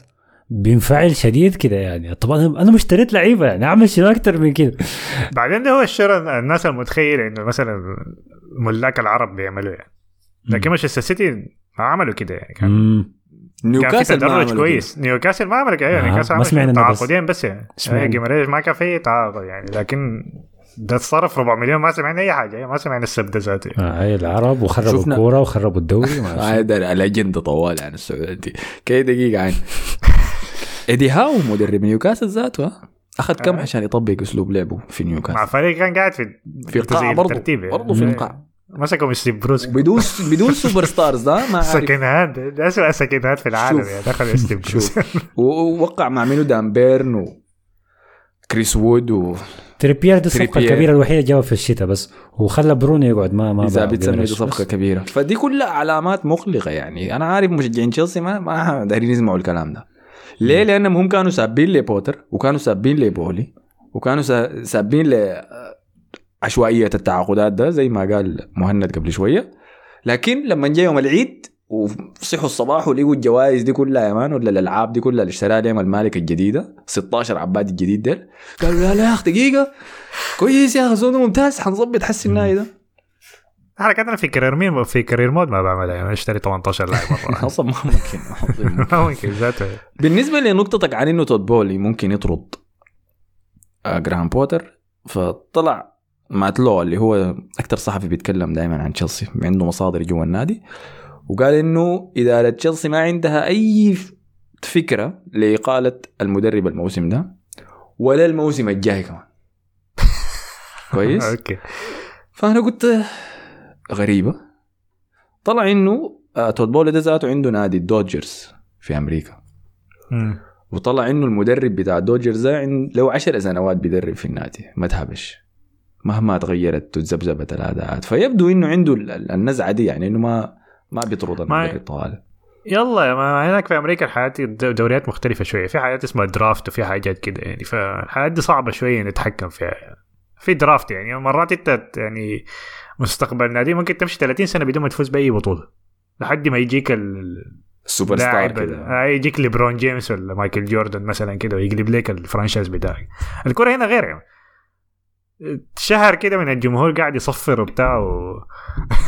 مظاهرات برا الملعب يا man عادي يغير رايه يعني. تتريس آه، ومواكب وبتاع. وبيتر تشيك يطلع برا وبتاع. والله رجعوا الروس لتشيلسي بس الروس كانوا شغالين أحسن من الأمريكان. خلوا ال... لا أنا شايفه هو سوى الجزء الصعب اللي هو جزء التعاقدات. بس هو استعجل في تعيين المدرب قبل ما يعمل التعاقدات. أنا ما أعرف. أنا شايف إنه أكثر أكثر المدير الرياضي كمان. شنو؟ والمدير الرياضي كمان. المدير الرياضي بالتحديد. اي سوري مش المدرب. اشتغل من فوق لتحت عكس أساسيات الإدارة. أنا شايف إنه أكثر أكثر ناس تضررت من حرب روسيا على أوكرانيا هي تشيلسي. صراحة دول أكثر مضررين صراحة كان شيء كويس والله يا أخي ما العظيم. تبرعوا ب- في صفقة مودريتش دي ما أعرف في 20 مليون ماشي ما- للجيش ما. ده جزء من الضرر تكلمنا عن ذاته مدرك أنا نسيت إنه مدرك ذاته كان ده جزء من الضرر يا كعب في المباراة آه. شوف كان- من كمية كان. الجوط اللي حصل في تشيلسي هسه من كمية اللعيبة اللي جابوهم ما قدروا ياخذوا كل اللعيبة معاهم للقائمة بتاع دوري الأبطال طلعوا أوباميانج بر أصلا ذاك ما ما- أنا دي الزعل كان- هوي هوي آه. حدك هوي لا أصلا هو ما كان شغال به يعني بوتر يعني عشان يلعب. يعني كان بيدخل وبيطلع في نفس المباراة يعني ما حاجة مستغربة كده. أنا شايفها قاسية شديد يا man. هي قلة احترام أيوه لكن خلاص يعني. يعني هو ذنبه. شنو؟ حسي أوباميانج ذنبه شنو في الموضوع ده كله؟ هو كان مبسوط قاعد في برشلونة. سجل. ذنبه تود بولي يا man تود بولي جابه وعمله وقال. توخل بعد أسبوع. أها. آه يا زلمة متبهدل شديد. سرقوا بيته في برشلونة في آخر أسبوع. كويس. جابوه تشيلسي عشان يلعب مع مع توخل. لابورتا يا man داير باقي القروش ال- المرتبه للدوله ما- الكل استغل أوباميانج. الكل استغل أوباميانج. كويس. سرقوا سرقوا بيته. زعلان زعل. جابوا تشيلسي. شالوا المدرب اللي بيحبه جابوا له مدرب ثاني المدرب ده بيطلعه برا الأبطال. آه، انتحر آخر الموسم. تعرف آخر الموسم أوباميانج ما يكون عنده fit ما يمشي الحلاق ثاني أول ما تحس إنه ما بده يحلق عارف إنه زول ده خش في حاله اكتئاب حول الشعر بتاعه بتاع بعد الكورونا ذاك. هو ساديو أنا مان داير ادافع عن كابتن لكن أنا حكيت لكم إنه اوباما يونغ حبه كان إنه يلعب في إسبانيا في ريال مدريد ولا برشلونة. فلما حلمه تحقق حدث ما حدث وطلع من برشلونة. أنا أتمنى إنه يرجع هناك تاني. وشكله حترجعه أنتوا صح؟ إحنا من برشلونة؟ أي. لا لا يا زول ما برجع إحنا بدنا نتخلص من كل العبادة في الهجوم يا man. ديباي فرق مرق هسه فاتي مارق برضه. وديمبلي يمرق فما حنجيب ثاني ما واحد في أي ولا أنتوا ها؟ ما ما- في. خالص خالص. طوال. خلاص مش ميسي مرق ما في ولا ثاني مرق معاه ولا قصة, زاد. قصة محزنة شديد بالمناسبة. اللي عجبني إنه مشجعين تشيلسي ذاتهم ما راضين بالموضوع شايفين إنه ده اتظلم ساي يعني. يعني مثلا تطلع أوباميانج من قائمتك بتاعت الابطال وتخلي هافرتس؟ مخلي هافرتس ليه طيب؟ سجل كم هذا جول؟ فعلا إيه. آه، ما دخل أي حاجة ما حسي في المباراة دي ذاتها ضيع له فرصتين محققات كان هافرتس لو أوباميانج لاعب أنا بقول لك على الأقل حيسجل واحدة منهم. لكن لا لا جرام بوتر عنده شيء في راسه هذا والله يمكن نسى يمكن هو بعد ما عبى القائمة نسى إنه عنده أوباميانج من كثره اللعيبة. بعدين عمل رسالة. قال آه shit نسيت. نسيت ندخل جواو فيليكس كمان. آه. آه. فيليكس باقي له كم شهر عشان ما يلعب. يرجع المباراة الجاية يعني. آه okay. طيب. ود شمس الدين قال أنا مع نظرية الحداثة لكن لعيبة تشيلسي ده المفروض يخشوا العنكريب قبل ما يلعبوا ذاته عشان الجوطة الجو بيها دي. كتار شديد لكن. إبراهيم علي قال أنا ندمان والله إني زمان كنت بشجع تشيلسي. يا أحمد العمله فيكم هنري عملها في دروجبا زلت تستحمل بس. مصطفى تيكو قال بالنسبة لسؤال مصطفى عن مودريك أرسنال هو اللي خسر الموهبة دي وحنشوف مع الأيام. لا شفنا. المثال الأول يا.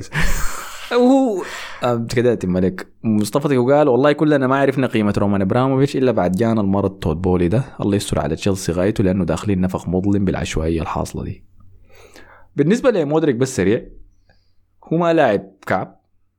شك شكله كعب. ممتاز أي بس لسه آه، ني. محتاج يمشي محتاج يخش الجيم يا man يتمرن يجهز للدوري آه، وبتاع. آه. ويتعلم انه يلعب في مساحات ضيقة لأنه لاحظت عليه في المباراة دي كان داير الكورة قدامه ودائما داير يجري. وتذكر إنك أنت قاعد في أصغر ملعب يمكن في إنجلترا كله بعد ملعب برينتفورد. أضيق ملعب ستانفورد بريدج ده. فحنك اجدع الكورة قدامه ويجري يحصلها ده ما حينفع في في الاستاد ده يعني. يعني بتذكرني إنه هازارد كان ممتاز شديد يعني. تخصصه كان هازارد يعني مم. المساحات الضيقة. آه، عارف الملعب الضيق ده يا man الناس بيقولوا ما بيشتكي ذاته. آه، آه.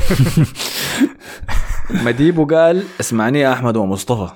أنتم متكيفين من وقع تشيلسي دي وبالأخص انت يا أحمد. شايف اللي بيحصل قدامك خمج ساي.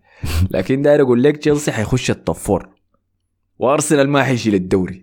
وبرشلونة برضه ما حيشيل الدوري. لا حول الله يكون في عونك. شكرا لك يا man الله يكون في عونك. اكتب اسمه ده. لا الظريف قال شنو؟ برشلونة برضه ما حيشيل الدوري. الكلام ده لمصطفى فهو قايل لك بيشجع آه أنا برشلونة. صار آه، لا أنا ما قلت ان برشلونة حيشيل الدوري. لندن زرقاء. عين هلا المكيفني في مادي وده شنو؟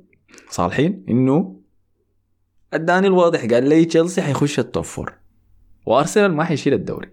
أنسى أرسنال لأنه ده ما ف... ده ما فريقك. أنت فريقك تشيلسي يا صالحين صح؟ أنا حتذكرك كويس. ونهاية الموسم أنا وأنت موجودين.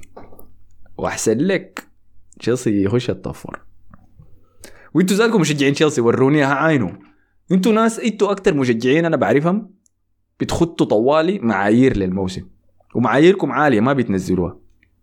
أنتوا ما بتخ... ما بتحبوا تخشوا محادثات ال top four ونفوز بال Europa League وما عارف شنو بتاع. أنتوا دائما تفكيركم في الأبطال والدوري. ولحد هسه قاعدين تقولوا دايرين نفوز بالأبطال الموسم ده. تود بولي في الصيف وفي الشتاء أنفق ما يعادل 600 700 مليون. تمام؟ تم دعم الفريق ده وتم تدعيم كل الخطوط دفاع ما عدا الحراسه بس دفاع وسط وهجوم. تشكيلتكم الحالية عشان نخلص موضوع تشيلسي عندكم أغلى لاعب أغلى حارس مرمى في تاريخ كرة القدم كيبا كم 70 مليون. عندكم أغلى ظهير شمال في تاريخ كرة القدم كوكوريلا. عندكم أغلى قلب دفاع في تاريخ كرة القدم فوفانا. عندكم أغلى لاعب وسط في تاريخ كرة القدم إنزو فرنانديز. عندكم ثالث أعلى أغلى جناح في الدوري الإنجليزي اللي هو مودريك. وعندكم برا لكن حسي حيجي راجع في الصيف يمكن تاني ولا ثالث أغلى راس حربة في تاريخ كرة القدم في لوكاكو. ظريف؟ حاول عندكم ستة ستة لعيبة من الأغلى في العالم كلهم قاعدين في التشكيلة الحالية دي. صالحين هذا قال لي إنه نهاية الموسم لازم نجيب ال top four حنجيب ال top four. أنتوا وروني شنو المقبول وشنو الما مقبول؟ أنا شايف مشجع تشيلسي قاعد يعملوا highlight لانزو فرنانديز في دوري الأبطال يعني اللي هو عبارة عن مباراتين بس واحدة ضد يوفنتوس والثانيه ما أعرف ضد من يعني. وما عمل فيها أي حاجة يمكن من أضعف ال highlight ال video ال highlight أشوفها في حياتي كلها آي. لكن أنا داير كلام واضح لأنه لو أي في الكلام ده في أي نادي تاني المدرب ادوا 600 مليون ودعموه بكل اللاعبين ديل بيكون في توقعات واضحة منه نهاية الموسم إذا ما حقق المسؤولية عليه هو بيليجرين. جراهام بوتر كان عنده أسبوعين حسي لأنه طلع من ال FA Cup وطلع من الكاراباو Cup كان عنده أسبوعين يجهز للمباراة دي. كان عنده كأس العالم كامل يا man. آه. أنا حديه أضعف الإيمان. كويس إنه نافذه الانتقالات جو فيها لعيبة جداد. الأسبوعين دول أنا قلت على الأقل حيكون قاعد يجهز لمباراة فولم دي بس. تقوم تجي مباراة فولم؟ عشان أشوف اللي كان شغال فيه في الأسبوعين دول أجي ألقى إنزو فرنانديز اللي وقعوا معه قبل يومين قاعد في التشكيلة أساسي. وذاته كويس ما خسر كرة فولهام ده اسمه ده جرب هدف ذاته هاي كرة متروفيتش من نص الملعب دي والله خشت يا man تلبوني كان نطة من المدرب تخيل تدفع 600 مليون في لعيبة جداد وبعد ده كله تجي تلعب ضد فولم وأحسن لاعب في المباراة كان ويليان. شكرا جزيلا. سخرية القدر آي. آه، آخر تعليق. مكاوي قال إنتوا تشيلسي ده ماله فاضي كده جواو فيليكس يسجل وبعد يومين يجي يلعب. MBX قال أنا عندي نظرية قيد الانشاء بس انتظر مودريك يفشل. هي أن اللاعبين الصغار اللي جايين بمبالغ عالية مثل نونيز ومودريك وأنتوني وغيرهم مواسير. بيفشلوا بسبب عدم تحمل الإعلام الإنجليزي. الاستثناء من المواهب دي هم مبابي وبيلينغهام وهالاند. أي إذا مشيت عينت ل لائحه بيلينغهام لكن وين الاعلان؟ هو منتقل قصده قصده آه لو حصلت. okay. لو عينت للائحه أغلى 10 لعيبة في تاريخ الدوري الإنجليزي أمشي عين له كويس؟ حتلقاهم كلهم قاعدين في العنقريب. ده ده عشان أثبت لك نظريتك دي يا MBX. فديل كانوا تشيلسي طيب مسكنا وقت طويل حتى في التعادل حقهم لكن عاملين جوطة. خلينا نمشي لليونايتد طيب. اللي فاز آه، 2-1 ضد كريستال بالاس. ما لعبوا جو قدامهم قريب يا أخي. كريستال بالاس؟ آه لعبوا قبل أسبوعين ما الجوله دي معادة زي مباراة توتنهام اللي قبل أسبوعين. أنا قلت ما اعرف حاصل شنو قلت ما لعبوا قبل كده. شنو حاصل في الدوري؟ هو الدوري الإنجليزي قدام مباريات غريبة كده. آه يعني هسه حيلعبوا ضد ليدز مرتين. هو بيقلب بيقلبوا الجولات يعني ما بيعملوا زي الدوري الإسباني. بيقلبوا عندهم قلبة بتاع الجولات كده غريبة. مم. دائما بيعملها okay. فالمهم فازوا على كريستال آه، بالاس 2-1 فريق الثاني للأسف يا أخي. آه، يبدو إنه ويلفرد زاها مصاب فما لعب المباراة دي وحيطول خارج الملاعب. ما مساعد الصوص قلة. الصوص الثلاثي اللي قدام قلة. سيئين يا man سيئين شديد. والله يا أخي أنا شا- أنا بديت أقلق عديل كده ل لفييرا. لأنه الفريق ده عنده مشكلة كبيرة بتاعت أهداف وحتى الجون الخشة في المباراة دي كان يعني لو عادوا 70 مرة ثانية ما حيسجل يا man. بالكعب كده ما عارف chip فوق. دي خي- حاجة كده عجيبة. شلب. هاي لكن الأداء كان ممتاز جدا من مانشستر يونايتد يعني مع عودة كاسميرو لوسط الميدان تاني. أم، مانشستر يونايتد أحيانا بيلعب كورة خرافية خاصة في الشوط الأول. لما نبدوا كده آه. متحمسين بيقدموا كورة ممتازة عديل كده عالمية. الحاجات اللي كان قاعد يعملها كاسميرو في المباراة دي كانت 18 وفوق. كان ما بيعمل رابونا و عمل كرويف- ال- كرويف اللفة ده. بتاعت زيدان دي عملها في جوا منطقة أيوة، الجزاء. وبتاع. الظريف إنه بيعمل حاجات كده مجنونة وبعد ذاك قدام الجون يقوم يزحلق الكوره تندفق. لا لا يا أخي. والله أنا ما عجبني موضوع إنه ده أحسن إنه حاليا هو أحسن ارتكاز. بيقولوا دي. أحسن نسخه نسخه نسخة. لا من- لا لا. لا لا. هو هو هو أصلا دائما كان كده يعني. الفرق الوحيد إنه كان جنبه كروس ومودريتش يعني ف... فما بيظهر فكلهم يعني. كويسين يعني فبيظهروا يعني كده يعني. كلهم بيظهروا كوسط كويس يعني. لأنه بيلعب مع لاعبين كو يعني نفس مستواه يعني. مم. لكن هنا ما بيلعب مع فريد ومكتوميناي أكيد حيظهر كويس يعني. في ناس بتقول ده أحسن مدرب يلعب تحته كاسميرو كمان. آه، رايك شنو في الكلام؟ ده؟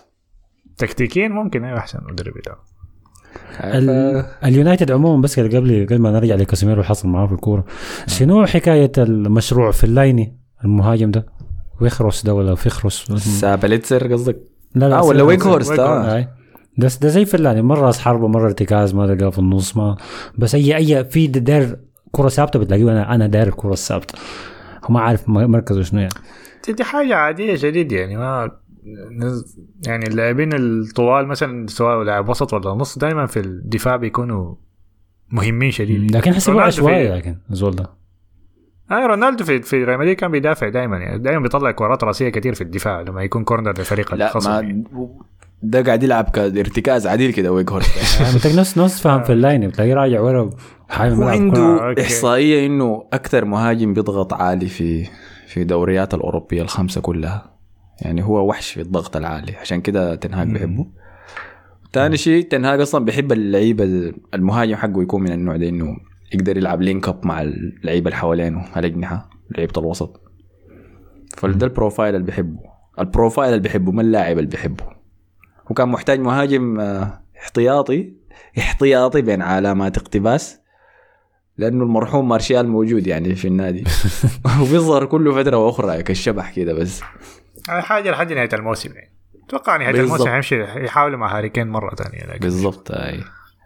لكن يونايتد زي ما قلت لكم بيلعب كورة سمحة شديد. سجل أهداف راشفورد وبرونو فرنانديز. هدف راشفورد ممتاز. اي كمية الباصات والتمريرات حلوة شديد يعني. البناء حقه زاد. تلاقيك بيلعبوا. كورة سمحة شديد. الباص بتاع لوكشو ممتاز شديد. لأنه كان كأنه حيلعبها لقدام بعدين سحبها في الأرض. اي غش الدفاع كان لوك شو ذاته مقدم مستويات كويسة شديد. أم، فخلينا هاي كاسميرو قاعد يقتل. أنا اللي عجبني فيه حاسلم الدفه لمصطفى وريه في شنو حصل شنو هو؟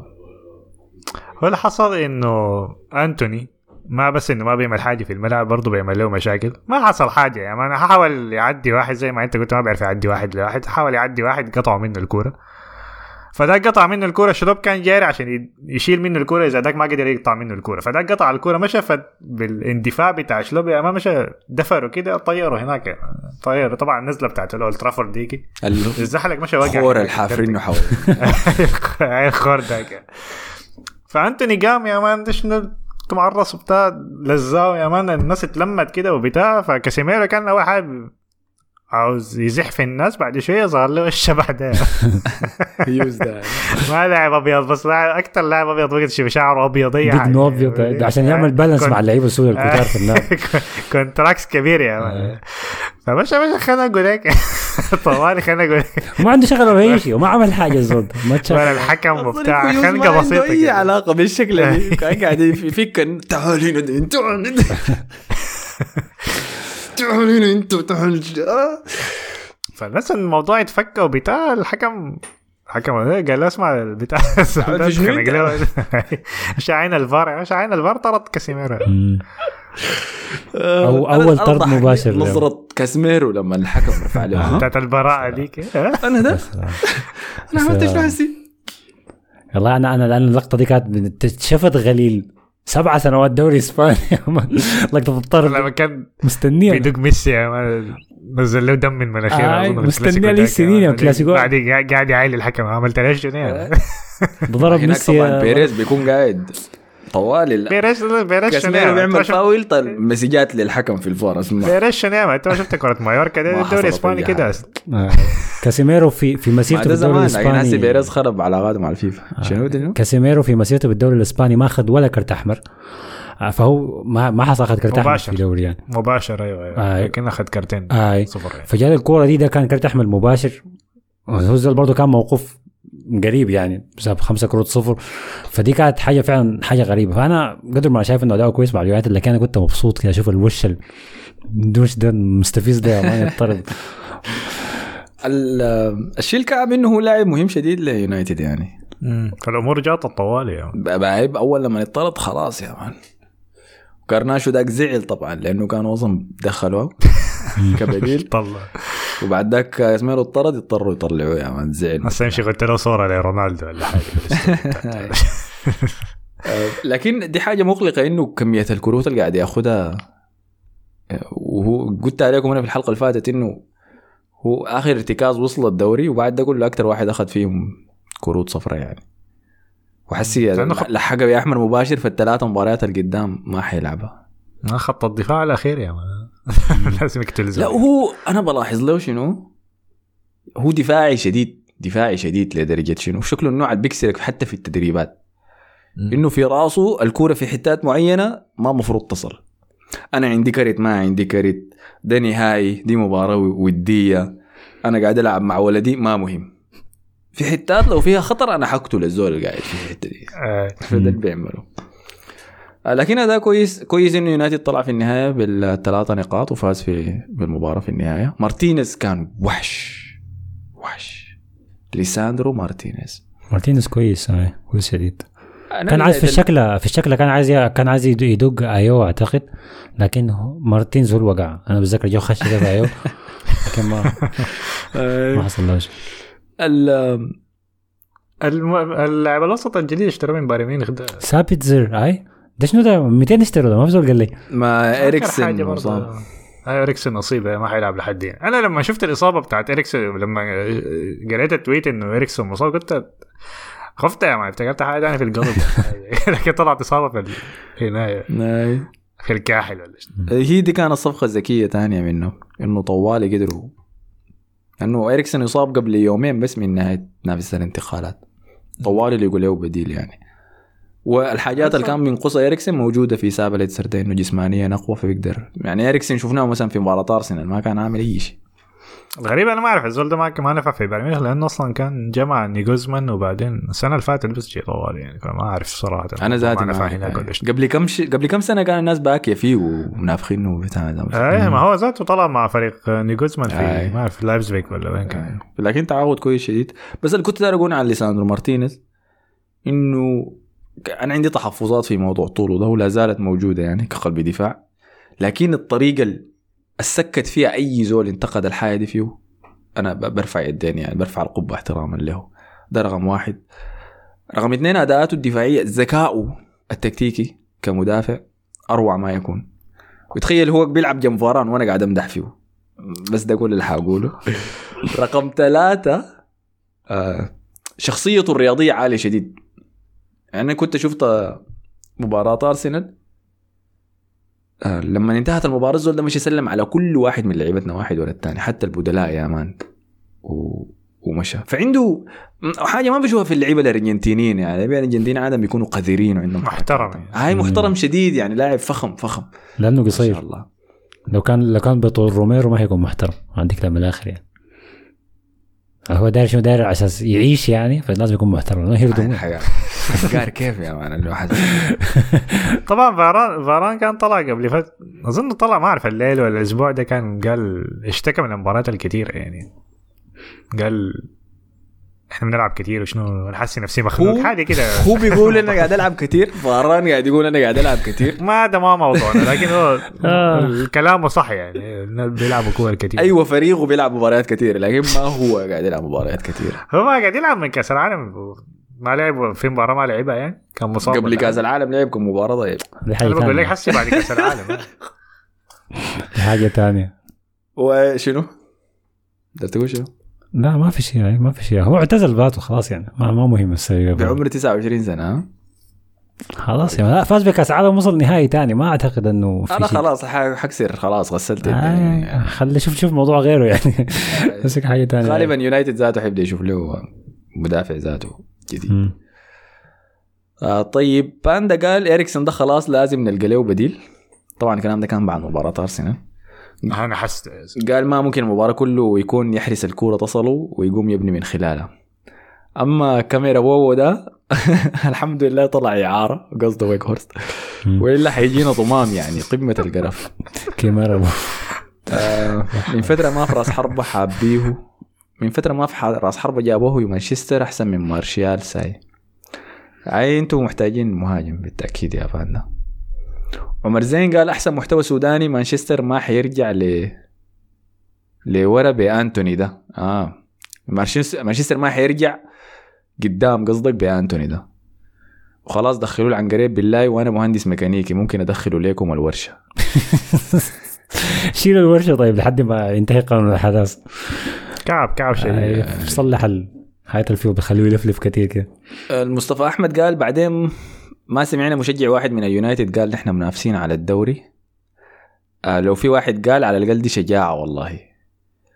والباقي على الزول ال team متصدر من أول جولة وبيحنسوه كل أسبوع قول أنا منافس على الدوري. وخايف يقولها نشوف غايته بعد الفالنتاين ده تاني عيد الأم ولا شنو؟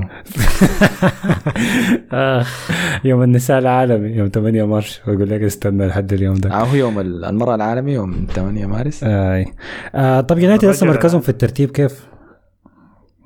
قريب. يونايتد هسه مش فريق ثلاثة نقاط من سيتي. عندهم مباراة يوم- مع ليدز. لو فازوا فيها حيتعادلوا مع النقاط مع سيتي. يا زول.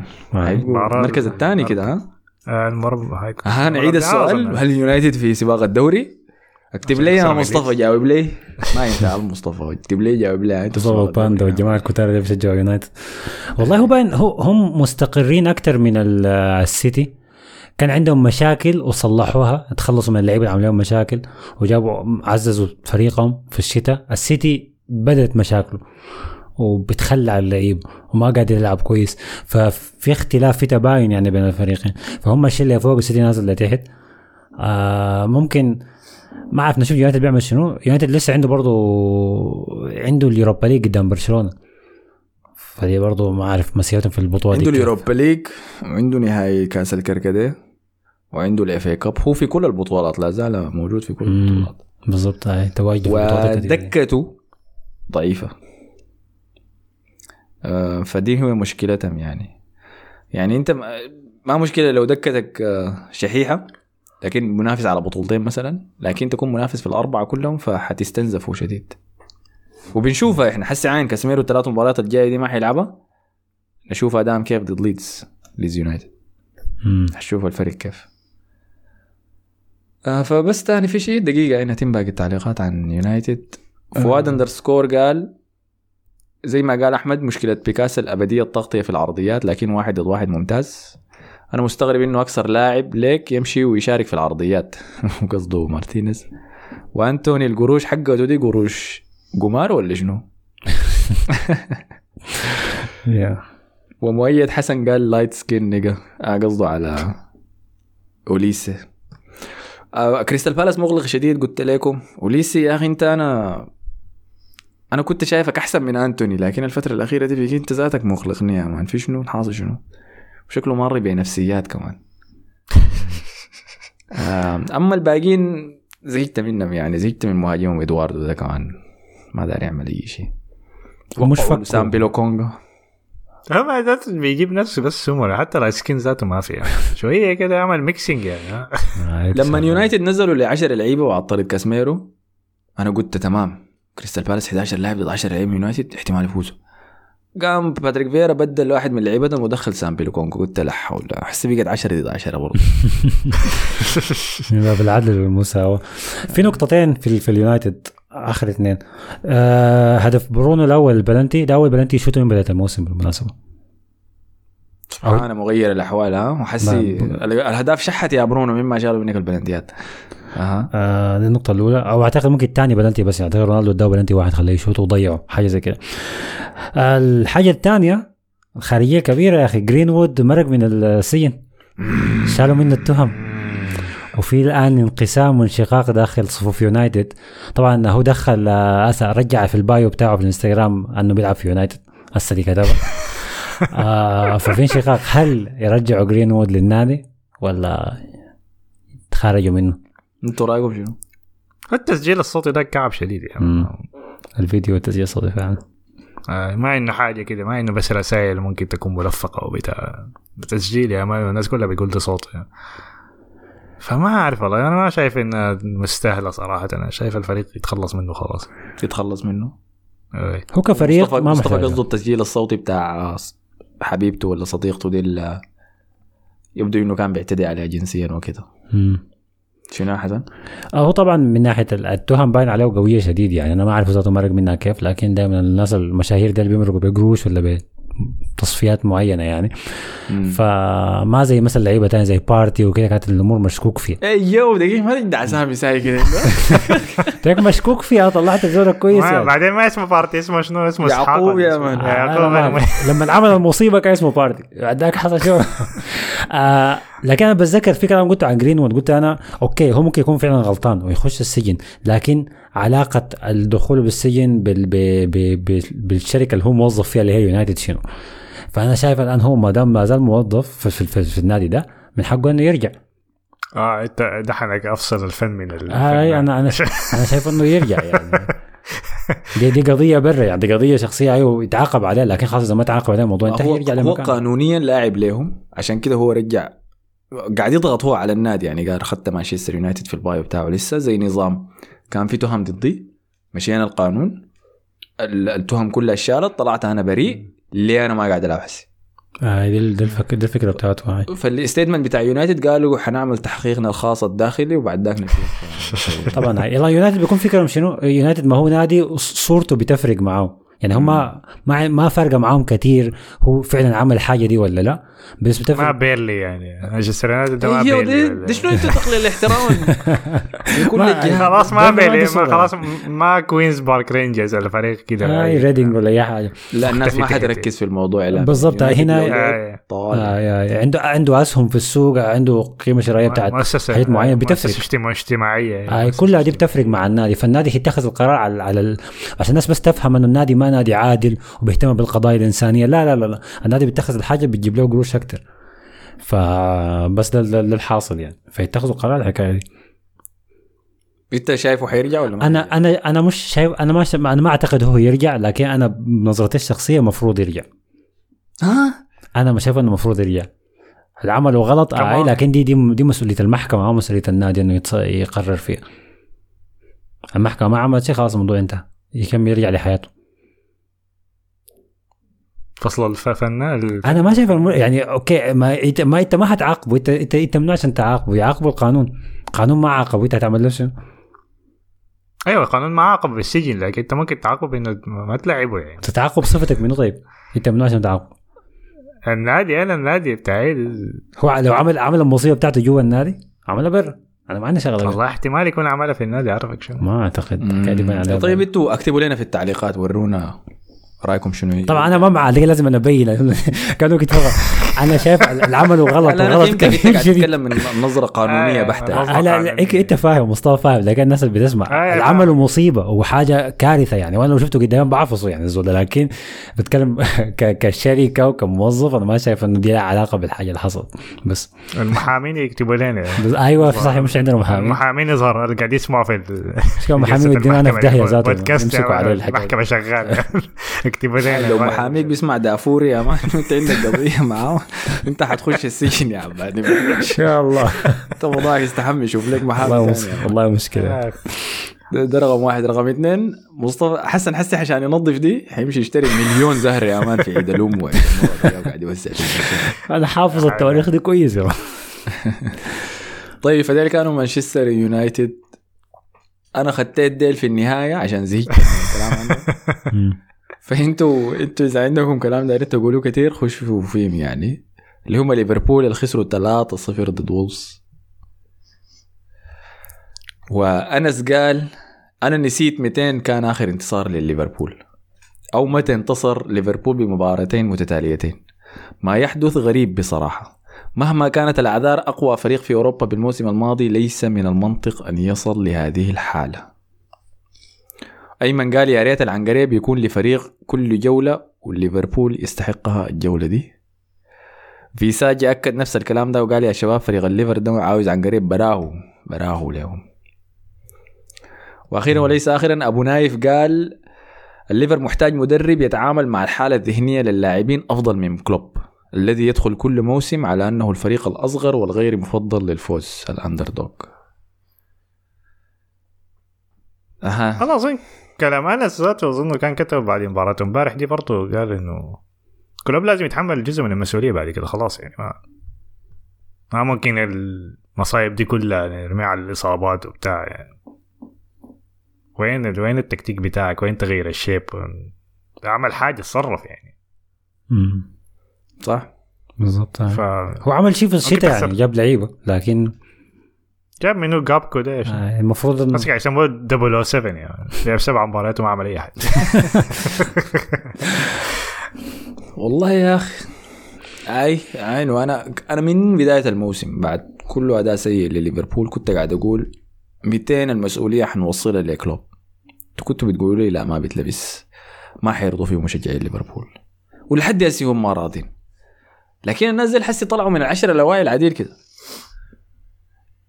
okay لما ينافسوا على ال top four المنافسة على ال top four صعبة زيت. الدوري انساه يا man بعيده شديد. ما عندنا وسط ما بيقدر ينافس ما بنقدر ننافس الفرق ال top دي. زيت. ما قادر تنافس وولز في مقاعد الهبوط. ما قادر تنافس آه، كان منو قبالة. تشيلسي لما جاء ميت في أنفيلد ما قدر يعمل أي شيء. وتشيلسي الظهر أحسن منه. كمان ما خسر 1-0 يعني ها كورة رجال إذلال كانت. 3-0 يعني والله 3-0 ولا 2-0 إحنا ما عارفين النتيجه كم على كلام كلوب يعني. في شنو حصل شنو؟ كلوب ما قال الهدف الثالث ما بيتحسب لانهم في الشوط الثاني دي اول مرة يطلعوا من مناطقهم. فالهدف الثالث ما بيتحسب. فأعتقد النتيجه 2-0 بالشكل ده. فحساب وولز عمل شنو يا man خدته 2-0 يعني خدته الجرافيك كده بتاع 2-0 full time يعني. عشان ما يزعل. اسمه شنو ده اللاعب بتاع نيفيس ده مخلوع. لا لا بقوت 2-0 يا خساره يا فبس كده يعني. ملاحظ تعليقاته بقت كيف؟ لا تعليقاته كعبة شديد يا الزول ده لا هو أصلا هو أصلا خاسر سيء يعني لما كان بينافس على الدوري.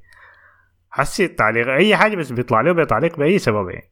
دائما هو كده أصلا يعني. بس الموسم ده زيادة لأنه فريق أصلا trash هسه. والصحفيين بيستهدفوا. عارفين بيطلعوا منهم content أو محتوى سهل شديد يعني. أي.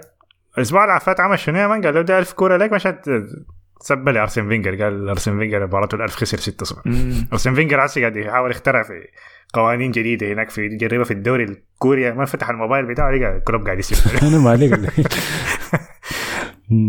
آه لا لا صعبة صعبة. حاصل مع حصل مع ليفربول. أنت مصطفى مش قلت إنه دي خلاص دي النهاية بتاعت دورة حياة آه، كلوب؟ زي اللي حصل مع دورتموند اللي بيحصل معاه هنا. ستة أنا نظريتي دائما إنه المدربين اللي بيعتمدوا على التحفيز النفسي الزايد يعني إنه يحمس لاعبينه سواء كلوب أو سيميوني مورينيو. وبيلعبوا ب intensity عالية. دي عندها وقت معين بتخرج- اللاعبين بيستنزفوا خلاص يعني. لازم تجدد لازم تعمل حاجة لازم تاخذ break سنتين مثلا الفريق بتاعك يكون trash بعدين يرجع مرة ثانية يعني. فنفس الحاجة مع سيميوني سيميوني برضه بيعتمد على نشحن لاعبينه ها دافع ودافع ودافع ودافع الفريق بيتحرك خلاص يعني. يقدر يطلع منه موسم واحد كل ثلاث سنوات يعني. أو ثلاث سنوات مستمره وخلاص يعني الفريق بيموت يعني. كلوب في البداية كان ال intensity بتاعته عالية شديد أول كم موسم بعد كده الفريق تعب بقى يقلل ال intensity غير شوية نفعت الموسم اللي فات نافسوا على البط الدوري وفازوا بالكأسين ووصلوا نهائي دوري الابطال حسي خلاص سواء مستحيل بس تخرج ماني خرب الفريق كامل. يعني. العداد فاضي بتاع ال intensity هسي خلاص. آه خلاص يعني. الحضن خلاص بقى ما نافع. ما عندنا نتيجة. لكن بالله ما ما ما حرام يعني. طبعا طبعا عشان لازم أوضح وجهة نظري. أنا مبسوط شديد باللي بيحصل في ليفربول ده. وإن شاء الله ما, ما حتى Europa League ما يخشوا يعني أنا كنت أتمنى لو يخشوا Europa League السنة دي كنا نقابلهم بدل اليونايتد ونردمون كبرشلونة يعني لكن ما يستاهلوا قمت أنت. مشيت اليوروبا ليج آه. آه. عشان هم خليتهم هناك لكن بعيدا عن عن كرهي ليفربول وبسطتي بخسارتهم ما حرام إنه ال- النادي ال- ال- كان بمستوى عالي شديد زي ده يجيب بس بطولتين كبيرات في ال- في الستة سبعة سنين بتاعت كلوب بس د- واحد دوري واحد ودوري أبطال حرة يا أخي أنا ما- يعني بتذكر ليفربول بيلعب كورة كويسة شديد بس طلع ببطولتين بس خلاص الحكاية دي انتهت. تاني ما حيشوفوا فيها هذا تاني. ما سوء حظه بس إنه كان قا- قاعد مع جوارديولا يعني ما خلاص يا أخي. لكن أحسن. منو اللي وصلهم أصلا ما أوكي هم كانوا فريق كويس وبينافسوا على كل البطولات. شنو اللي خلاهم يسقطوا الموسم ده؟ هل هو سبب واحد بس إن إحنا نقول في حاجة واحدة بس هي اللي خلت ده يحصل؟ هي تراكم بتاعت أسباب. عقدة السبع سنوات بتاعت كلوب إنه ما بيقدر يبني فريق تاني بعد فريقه الأول. رقم اثنين إهمال وسط الميدان تماما وعدم التعاقدات فيه. رقم ثلاثة الأخبار اللي كانت بتطلع كله صيف من ليفربول. يعني الصيف اللي ده بعد ما وقعوا مع داروين نونيز كانت الناس كلها بتسأل منو لاعب الوسط حيتوقع حيوقعوا معه ليفربول. عندك حصلت قصة شوميني وبيلينغهام قرروا إنهم ما حيوقعوا مع زول حينتظروا لحد الصيف الجاي. بيريز ضرب لتشوميني سرقوا منه. أيوه كل الحاجات دي حصلت. فكان في صحفيين دائما بيضربوا ليفربول بيسألوا لهم ها في شنو؟ في تحرك؟ في في حتوقعوا مع ولا لا؟ قام واحد من المسؤولين التنفيذيين بتاع ليفربول قال له عاين إحنا ما عندنا أي شيء حنسويه في باقي النافذة الانتقالية دي. كل اللي حنسويه إنه حنقعد في مكاتبنا نرفع كرعيننا فوق المكتب ونضحك على بقية الصفقات اللي حيسووها الفرق في الدوري الإنجليزي. لأننا كل اللعيبة دي كانوا معروضين. ليله لينا نحن أول شيء قبل ما يوقعوا معاهم النوادي الثانية دي. فده رقم ثلاثة. رقم أربعة عندك العبادي الزعلان اللي رسلته ذاك اللي قال كل واحد من لعيبة ليفربول السنة اللي فاتت دي طلع كتاب.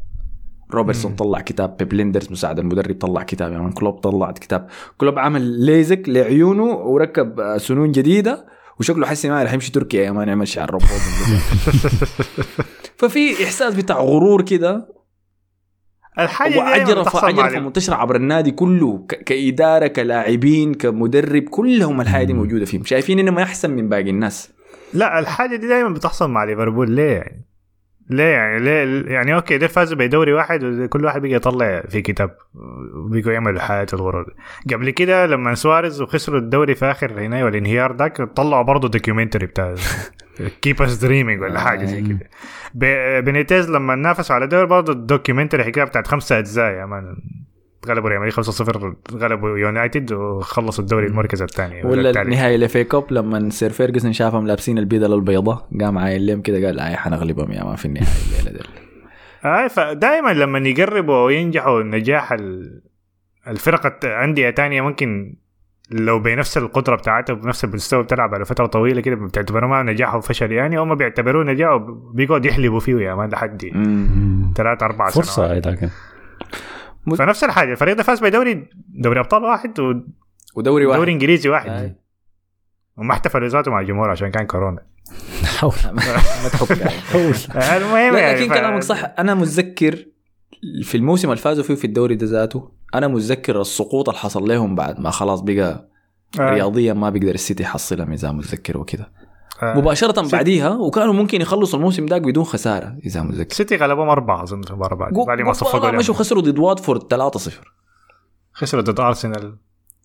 نيلسون أنت كمان بتخدنا من نفس الحتة مع بعض لا ما كان نيلسون وساكا لا ولا. كان من دخل ولا ولا كذا تخيل لك زي يسجل في كون لكن شنو؟ بعد ال... بعد ما يتأكدوا إنهم فازوا بالدوري اللعيبة دي جدعوا كل حاجة. الموسم ذاك هم كان ال- السلسلة اللي مروا فيها أحسن من اللي عملوها السيتي أيام ال 100 نقطة.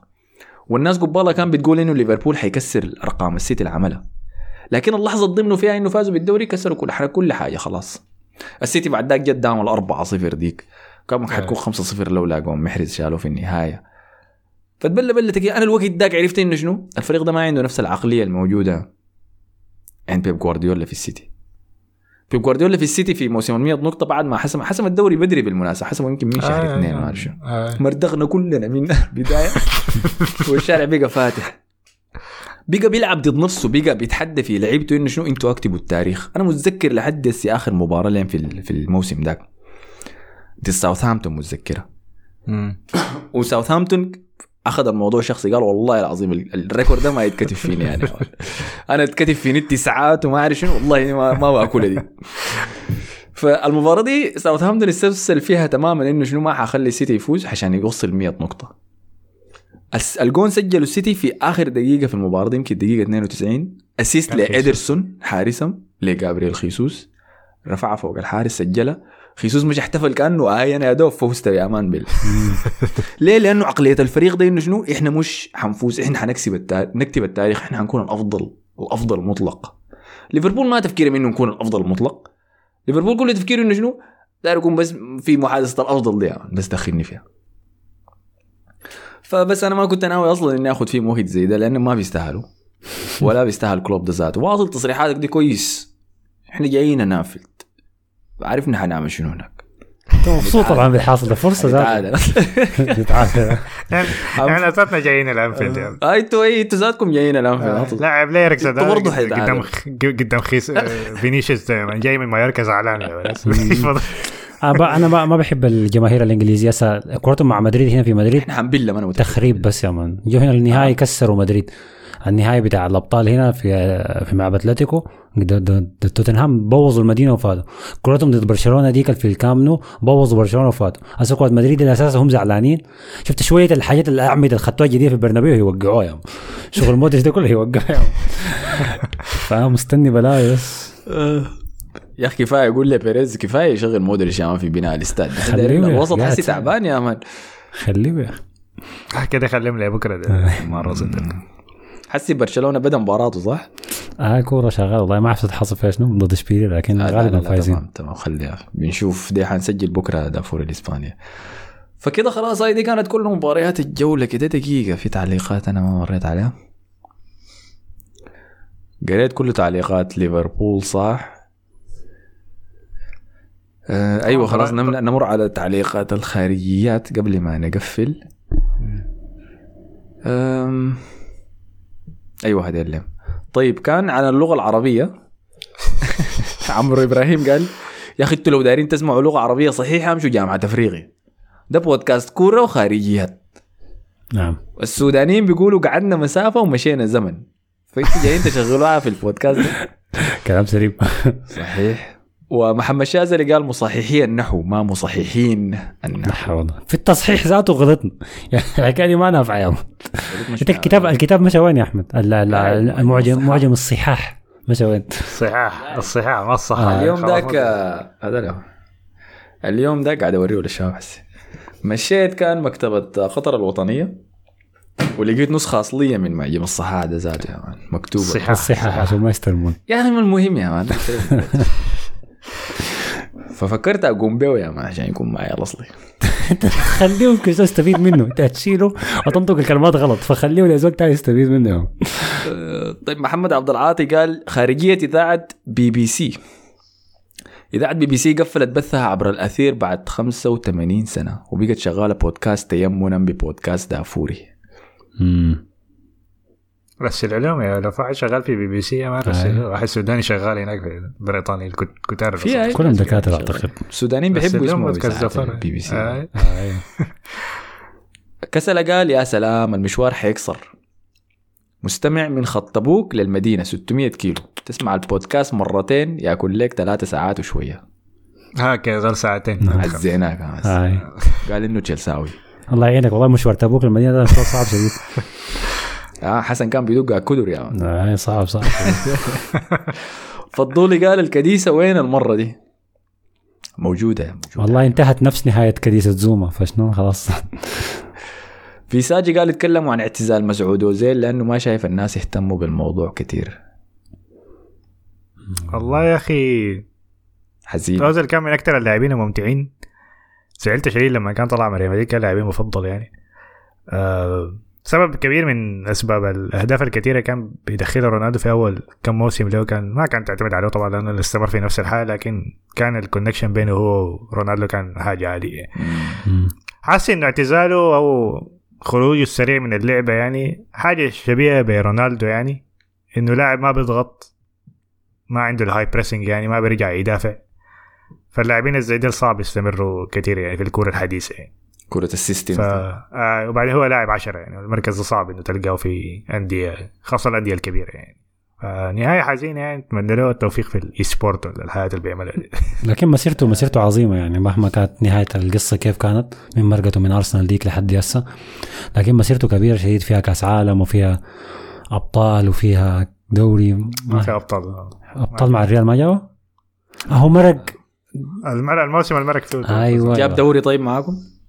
آه، جاب جاب الدوري ال 100 دوري جاب نقطة. الدوري 100 نقطة يا مع مورين عمل assist لرونالدو في الكامنو بتذكر كنت كرهته وأنا وزي في اللحظة دي. بتاع ال calma ده. آه كرهته شديد ال- أنا كنت قلت آه، إنه سبب الظلم أوديجارد الحالي في أرسنال اعلاميا يعني ليه الناس ما بتقول عنه من أحسن لعيبة صانعين اللعب يعني في الحقبة دي إنه جا بعد اوزيل بس.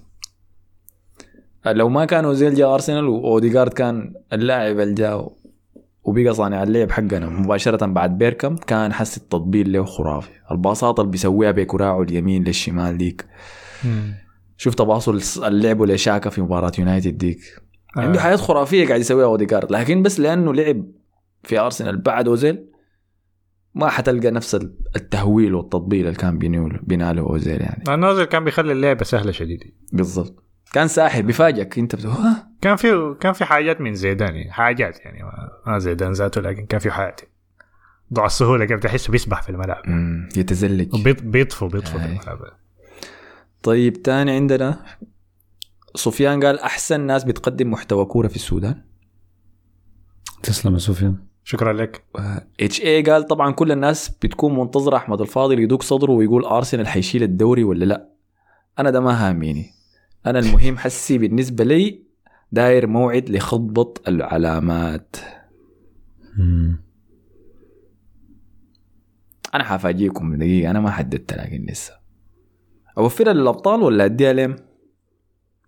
والله يا أخي وصلنا ساعتين ذاته فخليها حلقة لا ما الليلة ما قصدي الليلة لكن ما آه. اعرف أديها لهم 200 يعني. قولها كيف خليها في يومها بس ما تورينا قولها قولها في حلقة ال preview بتاع دوري الأبطال المفروض نعملها الأسبوع الجاي أظن. اللي 16 يقول لك لا لا طب خلي تستنى دور لحد النهاية يعني؟ خلي دور الأربعة أنا حوفر اللي يوم مميز كده بس أصبر. أوكي طيب. وأوريكم أنا. حاعلن يا ما في تويتر. حخليها يوم جمعة يوم بعد الصلاة طبعا. لا space وفي وافق حسن حمودة قال السلام عليكم ورحمة الله وبركاته. عليكم السلام. مدافعين الدوري الإنجليزي بذكروني مدافعين لعبة PES 23 مهما كان جودة مدافعين الفريق بيدخل فيك هدف. عشان كده بنشوف اللي بيجلي ما بيجلي متصدر ترتيب الهدافين ب 25 هدف. ليعادل صاحب الحذاء الذهبي الموسم الماضي مع تبقي 17 جولة. قام أحمد كمال جرد عليه وقال له إحنا في 2023 ولسه في ناس بتلعب PES. الله صح كلامه صح فعلا. سلمان الخابر قال غاية تشوفوا لنا حل أسابيع الكاس دي لأنه الأسبوع ما بي ما بيتجازف من غير حلقة دافور الإنجليزي. ما يعني بيتجازف. ما اعتبروها اعتبروها راحه. مم. راحه علينا ما عليكم. صابر شرف قال شباب زي الورد ربي يحفظكم. شكرا لك. عبد الرحمن قال يا شباب عندي لكم اقتراح تسووا server Discord.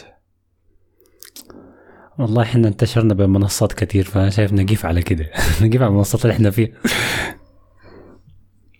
إت- والله يا أخي والله يا أخي فكرة لقدام لكن حسي صعبه شوي. يعني إحنا بعد تعب قاعدين نجازي في الحلقات دي يا يا عبد الرحمن. لكن لقدام إن شاء الله. يمكن بعد ذاك مثلا نافذة الصيف حاجات إحنا محتاجين نقفل واحدة من المنصات اللي فيها ونمشي لل Discord. فممكن نقفل OnlyFans ونمشي لل Discord.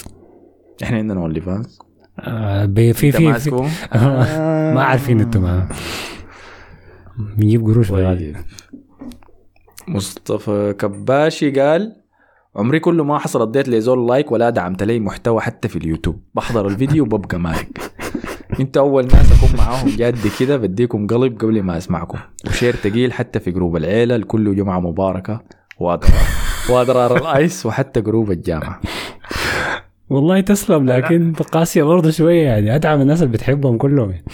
شكرا لك برضه. الع... العايز ده ال meth يا صح ده بتاع Breaking Bad ده ذاته صح؟ ده مخدر حايم حسي في السودان هاي. مم. شكرا لك يا مصطفى يا أخي. ديك العافية مصر عمر زين قال طلب بسيط لو في أسبوع blank من الدوري الإنجليزي أعملوا حلقة بتاعت fantasy وتونسوا فيه عن التشكيلات. أنا لي أكثر من نحن- عشر شهور بنوم على حلقات دافوري. ما نحن توقعاتنا trash يا مم. man. لكن بنشوف لنا حاجات في داير منا إحنا النصائح. هسه هدير نصائح. هسه امرق أمرق آه، اسمه منو ايفان توني من ال fantasy بتاعك. عشان الأسبوع الجاي يجيب هاتريك يلا. أي. آه، مادي بو قال شباب سلام عليكم. البودكاست ظابط للدين مستمتع منكم شديد وفخور إنه عندنا شباب بتقدم محتوى جامد. شكرا. لك العافية. يا حبيبنا. آخر تعليقين. حصلوا حسي كتبوا تعليقات أم دي حسي فحادخلهم الحلقة. عمرو إبراهيم قال في حكمة تتقال على تشيلسي. حالات النجاح بتنسي مرارة التعب. لكن 200 بيجي النجاح ده. مثلا الصبر وبس وده حيبقى نهج تود بولي. وسلمان الخابر قال كاسميرو الليلة أثبت لي إنه عنصري جدا جدا. مش خنق اللاعب الأبيض الوحيد في تشكيلة كريستال. أسمع ما تسرق التويتات بتاعتك فهذه كل التعليقات خلاص لاحظت كويس؟ أنا أخذت الوقت إنه شنو نغطي كله تعليق؟ ليه؟ لأني بقدر أي واحد بياخذ الوقت عشان يكتب تعليق تحت الحلقة. فشكرا لأي زول أخذ الوقت وكتب تعليق. ورينا يا مصطفى حصل شنو في fantasy دافوري عشان نقفل الحلقة الطويلة دي يا أخي؟ تمام. آه في ال fantasy بتاع دافوري لحظة بس. آه المصدر عندنا انس الحج لسه مستمر في الصدارة أظن. أي. آه ب 62 نقطة. آه مصطفى الطاهر في المركز الثاني 64 نقطة. آه digestive محمد جمال البسكويت يا man 80 نقطة. آه جاسم محمد أحمد في المركز الرابع 92 نقطة. قصي قصي محمد أحمد. مرسيدس. أي قصي أي محمد أحمد. أي ده 92 على نقاط. أيوه. وبي الطيب. 89 آه منذر أحمد 70 نقطة. المركز السادس وبي المركز عمر. الخامس منذر أحمد المركز السادس كوكو دي يونايتد. السابع المركز منه. السابع آه المركز السابع عثمان عمر. المركز الثامن رشيد خواجة. مهم. والمركز التاسع آه مصعب آه ح- حمودة مم. حمودة. والمركز العاشر محمد آه الش... السهار السحار أيوه السحار مو سالم. مو سالم. كلهم مكبتنين راشفورد العشر الاوائل. وواحد اثنين ثلاثة أربعة خمسة منهم فرنانديز. مكابتن لا لا عاملين triple captain لراشفورد. triple captain عديد كده فالعشم عليه تقيل بس طرد كاسميرو ده أنا شايفه حيأثر على الأهداف اللي حيسجلها. يونايتد ضد ليدز يونايتد. لكن نشوف. عندكم أي إضافة؟ عندكم أي شيء ثاني تقولوه؟ عندي طلب للحلقة الجاية لو ممكن يعني سؤال زي سؤال مثلا نختم على موضوع مسعود أوزيل ده لو تدونا سؤال مثلا في الآخر ممكن نخطه في نهاية الحلقة يعني نختم به يعني يكون هو آخر تعليق يعني نختم به يعني فدي الحلقات الجاية فلو واحد عنده أسئلة ممكن يكتبها يعني حاجة برا آه، الجولة يعني ش- حاجة برا الجولة يعني تكون حاجة برا الجولة أيوه حاجة خارجية كده. مثلا منو أحسن لاعب وسط ليك في التاريخ؟ آه أو حاجة ما لها علاقة بالكورة ذاته يعني. مم.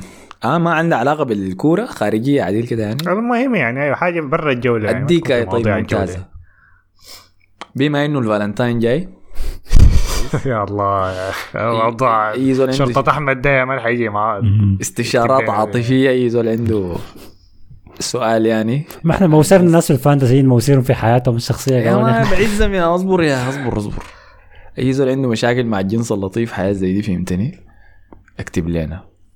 ده حتكون حلقة شديدة خلاص. هي لأنه الفالنتين الأسبوع الجاي هو الجاي ولا اللي بعده؟ الجاي. الليلة يوم لسه 6 يا أخي. لسه لسه. آه أنت عندك مخططات. لسه ما توترني. فخلاص على النقطة دي. آه دي كانت تغطيتنا لجولة دافوري بتاع الدوري الإنجليزي.